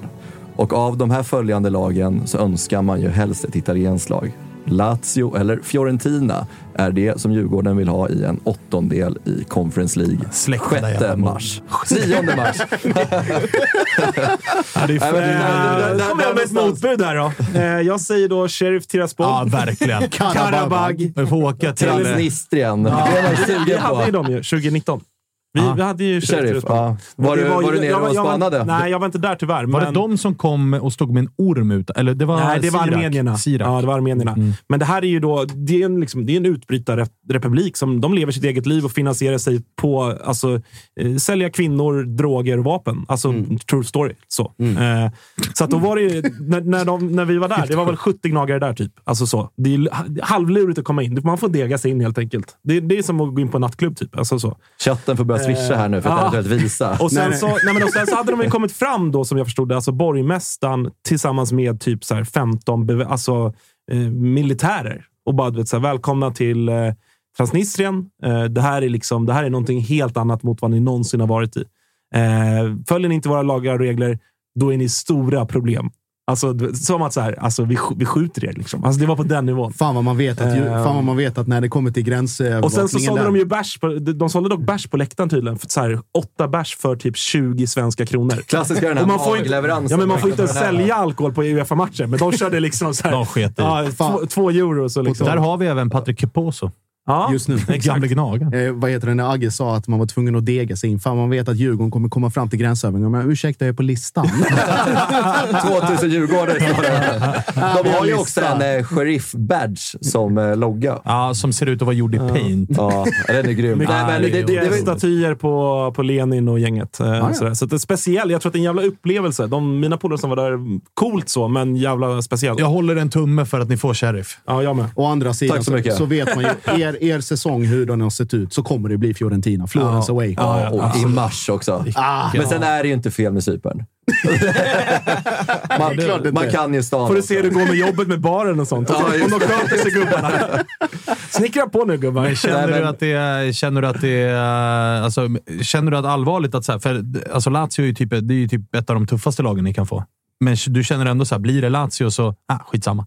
Ja, nej, men det, det hade väl varit kul att få något sånt typ av lag. Nu har vi mött lite så här, men semibra lag ute i Europa. Det vore kul att möta något riktigt jävla storlag ute i Europa Mm. faktiskt. Eh, och inte liksom behöva dra till Bodö eh, i, till Norge Nej, och så här, igen. ska man åka ut, då åker man ju hellre mot Lazio eller Fiorentina och har fått Florens och Rom än att liksom få Karabag. Ja, men Ludogorets. Ja. Så det, det är ju fortfarande bra lag, de Ja, andra ja. också. Så det är klart att så här, då väljer man ju hellre ett lite bättre lag. Och, Klassiskt lag, stor arena. Liksom. Men sen är det ju också väldigt liksom så här, att, att sitta här idag och prata om vilka Djurgården ska få möta i en åttondel i Conference League. Eh, det tror jag vi alla djurgårdare, det får man ju verkligen nypa sig i armen på. Att, här, att man får sitta i den här sitsen idag. För att vi går ifrån ett gruppspel med fem vinster och ett kryss. det, fanns det, det är helt Ja, det är- det otroligt. alltså, det är otroligt. ingenting man trodde och framförallt inte, ja, men om vi bara kollar på första matchen, vi ska inte bli långrandiga kring det, men liksom Rijeka borta, de gör mål ganska snabbt in i matchen. Då tänker man ju direkt att fan, nu blir det utgång i Conference League i första liksom, kvalomgången. Och sitta här idag och ha vunnit gruppen på ändå det storstilade sättet som jag ändå får säga att vi har gjort det på, eh, så är det ju helt otroligt vilken jävla säsong man har fått med om, om Djurgårdare och framförallt det här Europaspelet och sen så intäkterna som kommer med det också. Det är ändå vad är det, 83 miljoner in på det här Conference League-gruppspelet och kvalet och allt vad det är. Så att, eh, nej, man nyper sig i armen som djurgårdare och vinna liksom Gent borta, Molde borta och ta dem hemma också. Det är ju Ja, ingenting bara, man att få, trodde. bara att få gruppspelet, bara det är ju så här, fan vad mäktigt. Vi får en grupp i Europa. Det har vi aldrig gjort förut. Nej, och nej, när man väl är i gruppen, bara jaha, 5-1-0 på sex spelade, vidare med 90 minuter kvar. Ah, Okej. Ja, ja, och så, sen så Rasmus Schüller var också inne på det efter matchen. Avstängd i första. Det var ett slarvigt Ja. gult kort han tog. Och han lite inte- slarvigt av Kim och Tolle. Ta av dem som är varningsbelastade, för helvete. och han går ju runt och är lite småskadad under matchen. Sitter ner en eller två gånger Ja, också. Så att, så här, lite orutin. Lite li- orutin. Lite, lite fingertoppskänsla där. Men jag förstår också att man, så här, det är ändå fan, sex miljoner in vid vinst. Så att man vill ändå ha kvar Schüller, för de hade ändå lite, lite tryck där sista tio. Men ja, jag håller med. Man, eh, man kunde ha besparat honom det där gula kortet. Det var lite taktiskt och kanske bytt ut honom mot, uh, mot Banda där istället när jag tror det var Findell som, eller Mange Eriksson som gick ut istället. Blir det total utskjutning då på söndag mot eh, Mjällby? Ja, men det blir det ju. Det blir eh, idag, Bar- bartömning. söndag och sen måndag. Har det kommit något... För att jag menar, söndagen för er, alltså eh, Kalle Holmberg, nu gjorde han assist. Det är väl... Otroligt fint mål för övrigt. Ja, det får man verkligen Otroligt kyligt av Kalle Holmberg att lägga den där passen till Mange Eriksson. Verkligen. Bra mål, men det här blir väl den, hans sista match. Ja, det blir det. Troligtvis. Mycket pekar på det. Vill du inte att Djurgården och han kanske går ut och berättar det så att det kan bli lite liksom... Ja, men vi pratade om det efter matchen faktiskt, att eh, det hade varit skönt på något sätt att gå ut med att... Men jag, jag, jag tror det handlar mycket om honom också, att han kanske vill ha ett bra alternativ på bordet också. Att han kanske inte bara vill... Ja, sen handlar det om att såklart att Djurgården också ska erbjuda honom ett kontrakt, men han kanske inte heller är helt inställd på att lämna Djurgården. Kanske hittar en ny roll i Djurgården, men så här, jag, jag, jag är rätt säker på att han kommer gå till Norrköping efter säsongen som en rak ersättare till Totte Nyman. Så att, ja, jag håller med. Jag tycker det vore jätteskönt om de går ut nu inför matchen med eventuella Kämpa, spelare som lämnar alltså. Sen är det klart att spelare med kontrakt, eh, Ademi till exempel, kanske man inte går ut och säger att han kommer lämna, men man kanske jobbar på en försäljning. Han att- kommer ju heller inte få någon avtackning. Det blir ingen korre för att... Nej. Stående ovation. liksom. Målas ute i slakthusområdet nu. Stora tifon till Kalle Holmberg och Arbion Ademi. Men det, det, är, väl- det är väl klart att det är väl lite, lite känslosamt, för man vet att troligtvis kanske Hjalmar Ekdal gör sin sista match i Djurgårdströjan på söndag. Sånt där, är, alltså, Findell. sånt, där är, sånt där är faktiskt lurigt. Och lite på det du är inne på, Svanen. Att så här, ja, men vi har ju nu AIK, vi vet med Pertan, Seb och Lustig. Det är ju en sak. Men så, som efter alla säsonger så är det alltid ett par spelare som man är lite sådär, okej, vad kommer faktiskt hända här? Ja, men Bilal kanske lämnar. Ja, vi ju vi- framförallt Nabil Bahoui. Framförallt, framförallt Ja. Nabil Bahoui tänker jag på, som ju är en sån som liksom, eh, jag hyser enormt varma känslor för, men som man på något sätt är sådär, vad kommer egentligen hända här? Kommer klubben erbjuda något ett nytt? Jag vet inte. Alltså jag, jag känner att det verkligen är sådär 50-50 och det är lite obehagligt för att man vill ju också hinna tacka av de typerna av spelare. Ja, men som du säger, Hjalmar då, men han skulle ju säljas. Men, ja, men Kalle då, som ändå på något sätt har blivit, inte minst Ja, men han har ändå slutet. betytt Han har någonting ändå blivit under lite sina år i klubben. Ja, men så. Att man, man vill ändå liksom på något sätt ge en värdig avslutning. Ehm, Och det kanske inte har synts på planen, det Kalle Holmberg har gjort, men liksom den spelaren han är på träningsanläggningen i omklädningsrummet så är han en omtyckt spelare, både på läktaren och bland spelarna. Han har blivit lite kultspelare ju. Verkligen, så det är en spelare som också förtjänar en typ av avtackning på söndag. På tal om eh, djurgårdare och ekonomiska vinster. Ja, vi kan vara Kalle, jävligt tydliga med att eh, Djurgården har hintat in till donationschatten här. Oj, vad fint. Användarnamn Max Sabanovic donerar 500 spänn med meddelandet “fucking you”. Fan vad skönt, då har man visumet klart. Rätt in till Freddy Arnessons reskassa. Det är ju oroväckande att det hamnar i din kassa, Svanemar, där borta. Nej, det där går. Det är ra- röda, raka linjen bara. Du får stå och dela ut buntar på Ja, söndag. det är- Eller på måndagssändningen. Stå och dela ut där. Här har vi Josips 129 kronor för öl. Freddy 500 spänn till en... eh, 500 spän, det är otroligt! Är det, är det, Solnatattarna, det är inte en spänn in här. Alltså. nej, det är Solnatattarna. De är ju på Dicken nu. Vilken broder som drar in 500 spänn en fredag här. Svanen står utanför eh, Tele2 och skriker Transnistria! Lista vad det är. Helt sjukt. Helt sjukt. Eh, hörni, Josip, eh, lyft luren. Vi ska ringa Det eh, Johan Kücükaslan eh, och prata lite grann om vad fan han har pysslat med de senaste dagarna. Han har ju varit i, i vi gissar Schweiz, vi gissar Nyon, sa vi det? Nyon, va? Och det vi, och vi tror att det, det har varit någon, ni som följer honom på Instagram, det, det kan ju alla göra. Eh, så kan man kika vad han pysslar med. Men där fick man ju se att han har varit där. Ska ta reda på vad han har gjort helt enkelt. Mm. Det Josip, du får ta tag i det. Jag löser det. Jag hakar på, jag Jag, hakar ror på. detta i hamn Ja, här Det är tio minuter kvar. Jag Nej, vi kommer gå över tiden. Notera din lilla quiz här, eller ja, vi kan ta det efter. Vi tar det efter. Johan, stort och varmt välkommen till eh, Tuttosvenskan. Ja, men tack så mycket. Var eh, befinner du dig exakt just nu? Eh, Exakt just nu är jag på Arlanda, terminal 5. Landade precis. Ah, vilken timing! Ja, ja. Såklart. Extremt dålig timing. Jag visste inte om jag skulle hinna, men det var skönt. Vi var lite sena. Yes, eh, du, har, du kommer direkt från eh, Schweiz. Vi var oklart, oklart om du var i Nyon, eller i Genève eller Zürich eller vad fan du nu... Ja, men jag var i Nyon eh, på Uefas högkvarter. Eh, Rätt fina byggnader. Magisk utsikt mot sjön där. Eh, det var någon form av konferensdag som jag hade fått en inbjudan till. Lite suspekt. Jag visste inte vad jag skulle förvänta mig, men det var ändå väldigt intressant. Eh, och ta del av deras tankar. Och så fanns det ju såklart eh, tid också för att ställa frågor. Så att, eh, lite irriterat blev det också, men eh, väldigt kul. Oh, det är en jävla Vi, bör, vi börjar där. Vi börjar där. Ska vi Låt oss ta irritationen. Ja, Ja, men de är inte vana tror jag, att få motfrågor och sådär. Speciellt när vi kom in på VAR. Eh, och Roberto Rossetti, deras eh, domarchef, höll ett långt anförande. Passionerad italienare. Det var lite som att jag förolämpade hans morsa när jag började fråga eh, om alla, alla debacler som jag haft med VAR också om de situationerna. Eh, den här långa väntetiden med domslut som inte har varit 100% korrekta och sådana saker. Eh, och han hade ju med sig Svol- vad heter han? Svonomir Boban, eh, gamla Milan-spelaren, kroaten. Vid sin sida. Och eh, de två gaddade ju ihop sig. Men det var kul. Det, var lite, så här, det blev lite hetsig stämning, men det var ändå väldigt roligt att diskutera med dem. det kan de fan, eh, fan behöva. Lite hetsig stämning där inne kan man ju tycka. Men eh, i, i övrigt, alltså, handlade, vad, vad var det här för, för typ av konferens? Var det mer liksom, åh, nu ska vi bjuda alla medier på trevlig, trevlig stämning? Eller var det mer, nu sätter vi ner Det var? Nej, men det var lite tanken. De hade bjudit in ett gäng journalister från eh, Skandinavien, eller egentligen hela Europa. Det var bara att igår så var det Skandinaviens tur. Eh, SVT betalar förstås för sig. Jag ville inte att de skulle bjuda oss. Det hade varit konstigt. Men, eh, nej, men de, hade så här, de gick igenom Europacuperna. De gick igenom... Eh, allt var ju väldigt positivt hela tiden. Det var ju när vi hade de här Q&A sen efteråt som man fick komma med lite motargument och ställa lite mer kritiska frågor. Eh, men det handlade mycket om Europaspelet, eh, nya Champions League-formatet, pengarna som de ger tillbaka till klubbarna.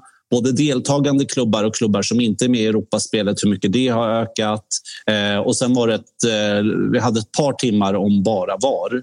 Vilket var sjukt intressant ändå att se hur de jobbar. Och sen på kvällen så fick vi vara i varummet under Europa League eh, för att se hur det går till. För att allting styrs ju därifrån, alla Europa League-matcher.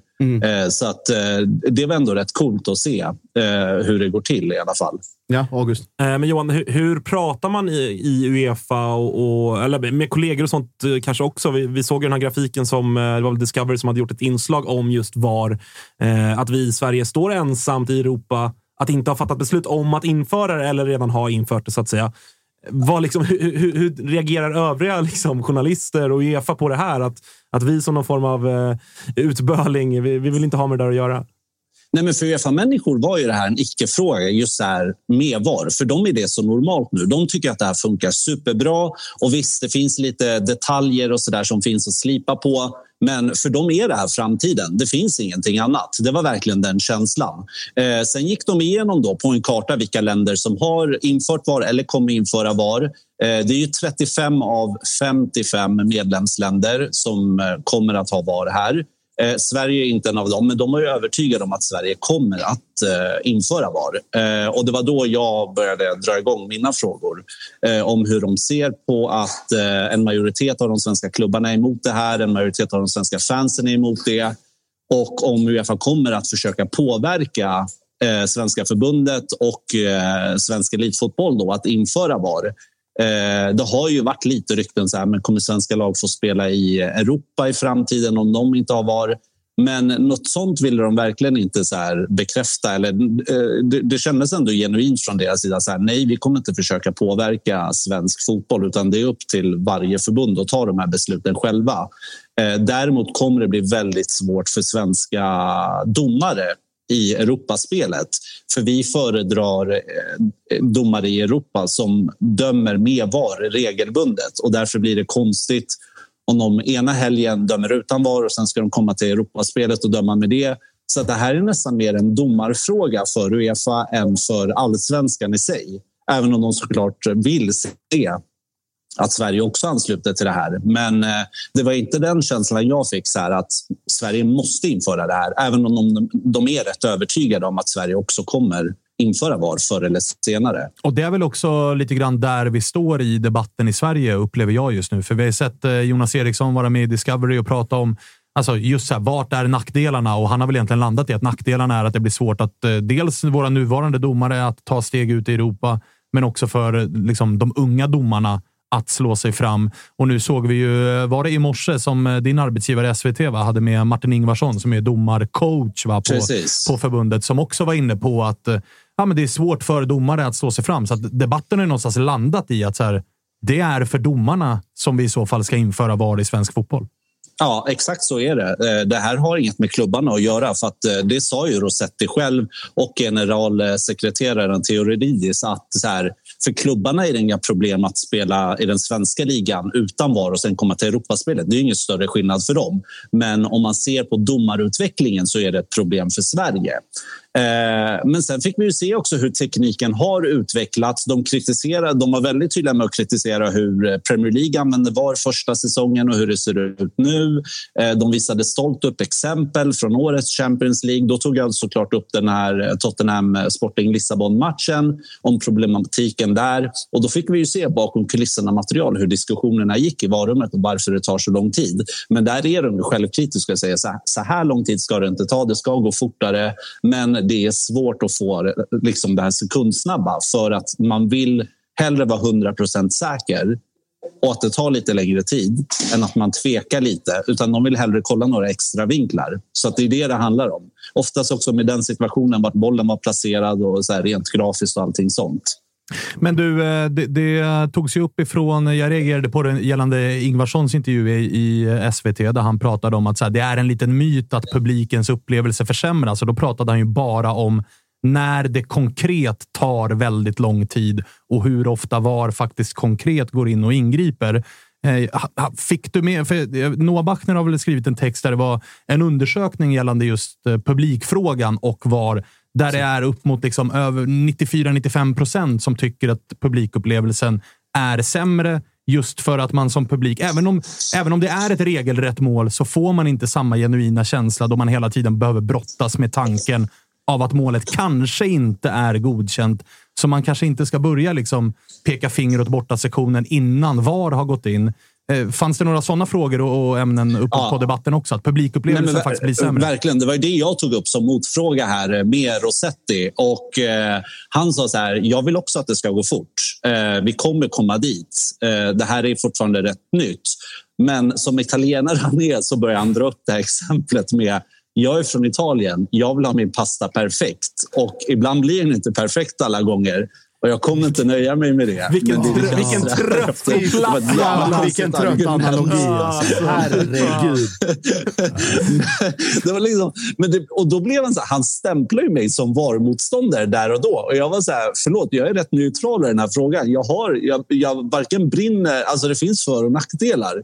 Men du måste ju förstå att folk ifrågasätter var just när det uppstår sådana här situationer gång på gång. Att man sitter där och väntar i fem sex minuter, om man kanske ska ta i, men på att få veta om ett mål är godkänt eller inte. Jag bara, det, är ju, det är ju ineffektivt. Och då börjar de räkna upp så här, men om vi kollar på den effektiva speltiden i fotbollen så har den ju ökat. Eh, tidigare med alla domslut och så som var utan VAR så säger de att men det kanske låg på så här 55 57 minuters effektiv speltid. Nu ligger det på över 60 minuter, så att det var ju deras argument. Men eh, nej, de duckar ju den, eh, just den här väntetiden. Och det, är ju känsligt. Och det är väl kanske medvetet som de också duckar grundpoängen. För den, den undersökning som Noah hänvisar till, det är ju över 30 000 pers som har frågat. Så det är inte, det är inte 700 pers på en match som har frågats, utan det är många. Är det. Och, och det som irriterade mig lite var ju också den här inställningen de har med länderna som har infört VAR. Som att det inte förs en diskussion där. Som att alla i England är jättenöjda med VAR i Premier League. Som Mm. att så här, nu, har, nu har England infört VAR och det är ju jättebra. Men det finns ju en debatt där också. Så att, eh, det är lite så här, de vill ju verkligen inte lyfta fram kritiken. Eh. Utan, eh, men det- alltså, Uefa brinner ju för det här otroligt mycket. Och de visar den här nya teknologin i Champions League med det här grafiska som påminner lite om tennisens. Och det är ju väldigt cool och då går det ju väldigt fort. Men tyvärr är ju långt ifrån så alla gånger. Ja, och det här är ju att svära i kyrkan, men- eh, den här nya offside-teknologin de har hittat, den välkomnar jag. Och jag har sagt det Ja. tidigare. Jag har, inga, jag har inga större problem med Nej, den goal line technology Alltså, ser eller den här direkt, offside. precis. Ja, och den är hundraprocentig. För att de, det Exakt. sitter sensorer och grejer. Att det är så här, okej, offside. Det är ett svart eller vitt beslut. Det går att faktiskt kolla det. Var bollen Ja. över linjen? Ja, det går att kolla. Det är svart eller vitt. Bra. Men de här bedömningsgrejerna, ah, det är en annan diskussion. Men, men där blir jag galen. Problemet är ju också att så här, de, det är ju domaren i varummet får ju inte ta beslut. Utan de har ju... Eh, de kollar igenom... Det blir, så, här, så här visar de för oss. Det blir mål. Då kollar de jättefort i varummet. Så här, har vi en misstänkt offside? Har vi en misstänkt hand? Har vi någon misstänkt situation? Och Det är därför domaren står och väntar då på om man ska godkänna målet eller inte. Och hittar de någon liten tvivelaktig grej, det är då de kontaktar domaren som i sin tur måste gå och kolla skärmen. Så att domaren i varummet kan inte ta beslut och säga till domaren på matchen så här, det här är, det här är regelrätt eller det här är inte mål. Utan de vill fortfarande att domaren ska, på plan ska ha den makten. Och det är därför det också tar så himla lång tid. För att, jag menar, många situationer när domaren går och kollar på tvn och så här, så har de redan klart för sig i varummet vad beslutet är. Men det tar ju en massa tid då om man ska ha processen då att domaren ute på plan också ska gå och kolla skärmen. Men eh, om vi tittar, om vi bara tar det exemplet när du var inne, eller när de visade då från Europa League i realtid. Hur, hur upplevde du det och ändrade det på något sätt din liksom, bild av det du hade innan? Nej, egentligen inte. Alltså så här, de har så många vinklar, kameror på varje match. Jag tror det var 14-15 olika. Eh, och det är ju svårt att missa någonting. Det var bara den känslan jag fick. Och så är det ju Uefa-licensierade domare som sitter i det där kontrollrummet. Det påminner väldigt mycket om ett tv-kontrollrum liksom med skärmar överallt. Eh, och så. Men nej, alltså de har ju all möjlig teknologi och de kan liksom zooma in och kolla hur som helst. Så att jag förstår varför arbetssättet ser ut som det gör, men det är ju ineffektivt och det är ju problematiskt då att det ska ta så himla lång tid. August? Eh, avslutningsvis då Johan, vad, vad tänker du kring... Eh, vi sitter ju här liksom främst som, som supportrar till våra allsvenska lag och så, men vad, du som eh, objektiv journalist och som bevakar det här liksom med, med öppet sinne på något sätt.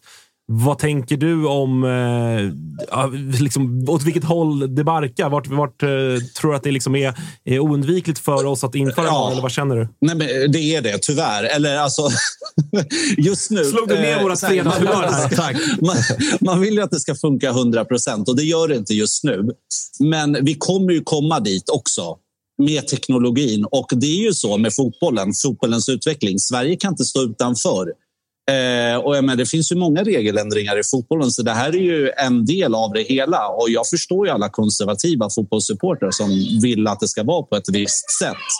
Eh, Men det är en komplex fråga. För jag menar, vi har suttit här och diskuterat eh, olika domslut också i allsvenskan. Så att det, är liksom, det finns för och nackdelar. Men såklart, man vill ge det här några år till innan det blir bra på riktigt. Och Problemet är ju för allsvenskan är att de säger så här, en liga måste ha två, tre säsonger innan det ska sitta på riktigt det här också. Innan alla som jobbar med det förstår hur man liksom jobbar med VAR till 100 procent. Så att om allsvenskan tar in det här om två, tre säsonger så kommer det dröja ytterligare några år innan det blir någorlunda bra. Vi kommer ju få de här barnsjukdomarna som vi har sett i andra länder. Mm. Och det kommer eh, kosta ja, pengar Jag vet inte om de allsvenska supportrarna har det tålamodet. Ja, och för att inte tala... Tålamod och allsvenska supportrar i samma mening. Men, eh, men, Freddy, men Johan, innan vi släpper iväg det här i taxin så pratas det liksom någonting om de ekonomiska bitarna. För man förstår ju att det är ju en ganska stor investering för svensk fotboll, men även för klubbarna. Liksom. Pratas det någonting om någon typ av subventionering om vi ska få VAR till allsvenskan? Klubbar som kanske Varberg, Värnamo kanske inte har de ekonomiska musklerna och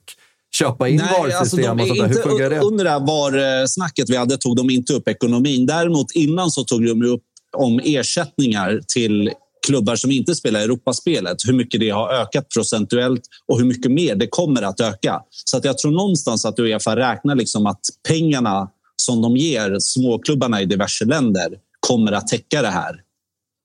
Sen är det en fråga för Svenska fotbollsförbundet om det är de som beslutat att införa det då, att se till att det finns en finansiering också. Det är märkligt om klubbarna själva ska stå för kostnaderna.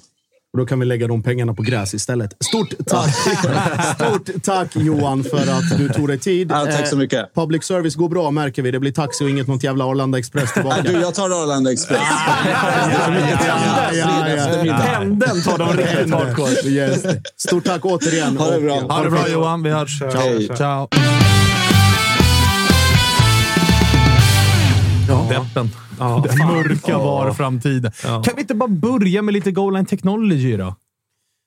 Det är väl rimligt? Kan vi börja Hur fan där? ska du installera det på Stora Valla? Nej, men tydligen, så, tydligen så ska du ju in med VAR där.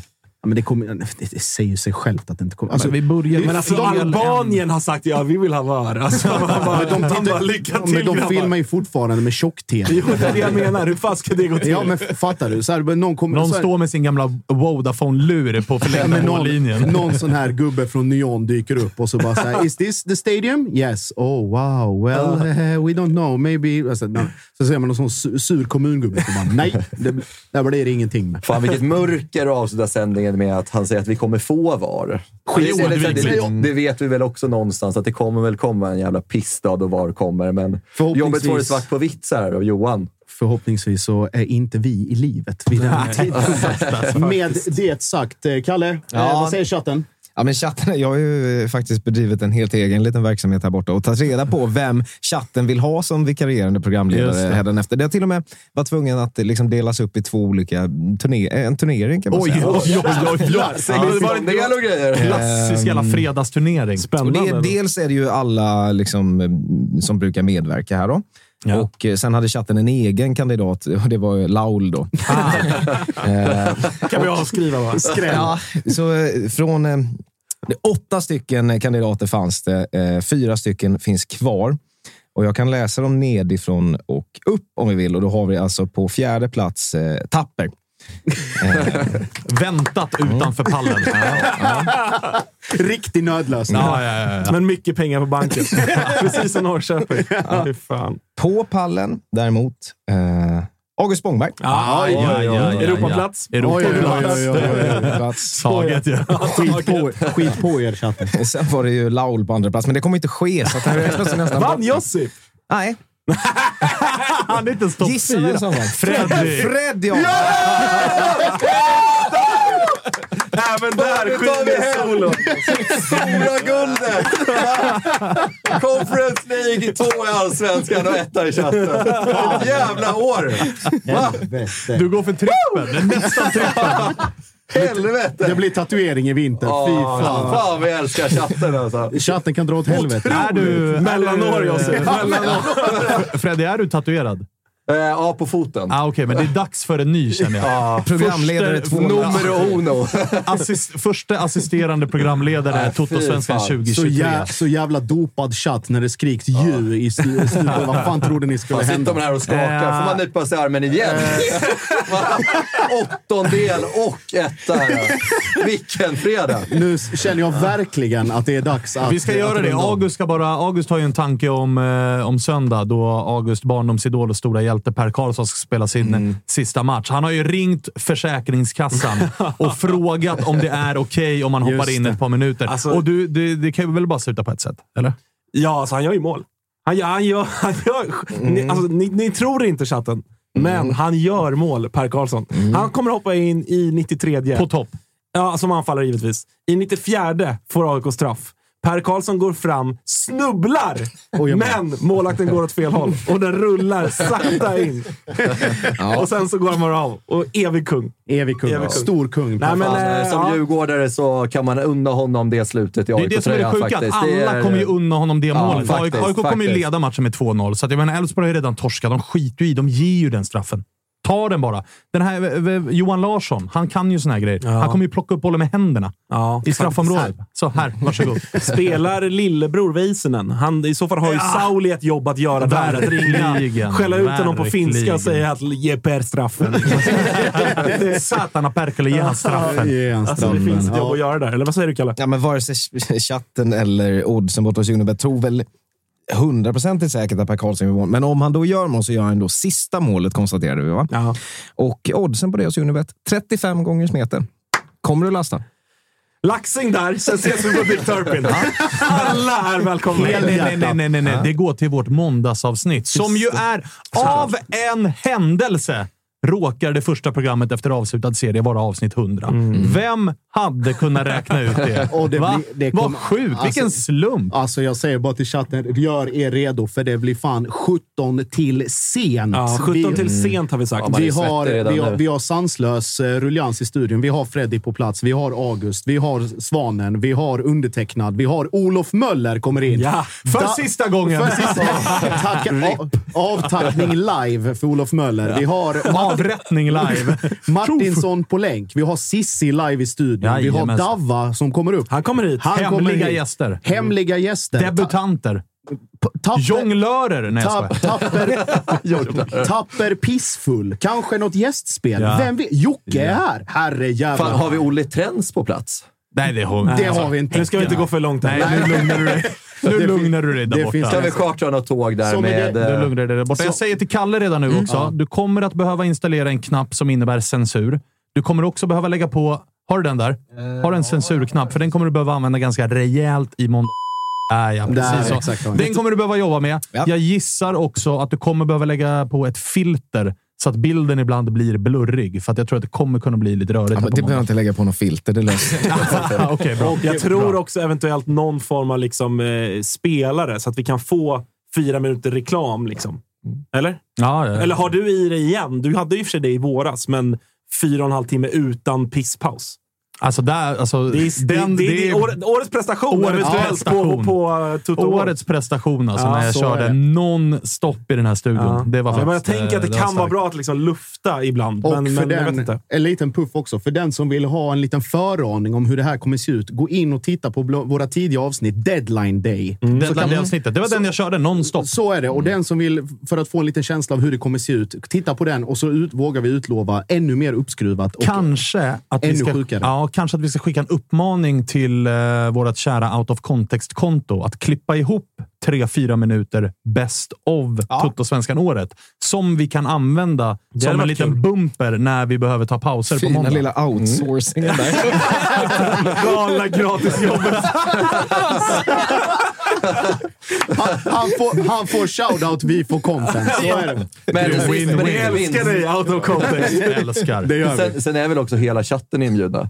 På, på Alltid. måndag? Alltid. Nej, Alltså, lås på Nej, nej, nej, nej, nej. Öppna inte den asken. Fysisk närvaro ej tillåten. på chatten. Eh, eh, Drottninggatan 27 är det som gäller, ifall ni vill vara med på plats. Eh, Josip, du har ju fan lätt det här med den äran, så att se till att ta det här i mål nu. Vi tar det i mål. Eh, chatten, återigen, stort tack för att ni var med idag. Tack till Freddy, eh, Livsglad, Arnesson, August, August Skitful Spångberg och Kri- Kristoffer, Storpappa, Svanemar, Kalle, Bäst i världen, Nilsson och fet undertecknad och jätte, jätte sliten. Så eh, säger vi... Applåden till Så Josip säger här. vi ses eh, på måndag. Skit på er! Hej!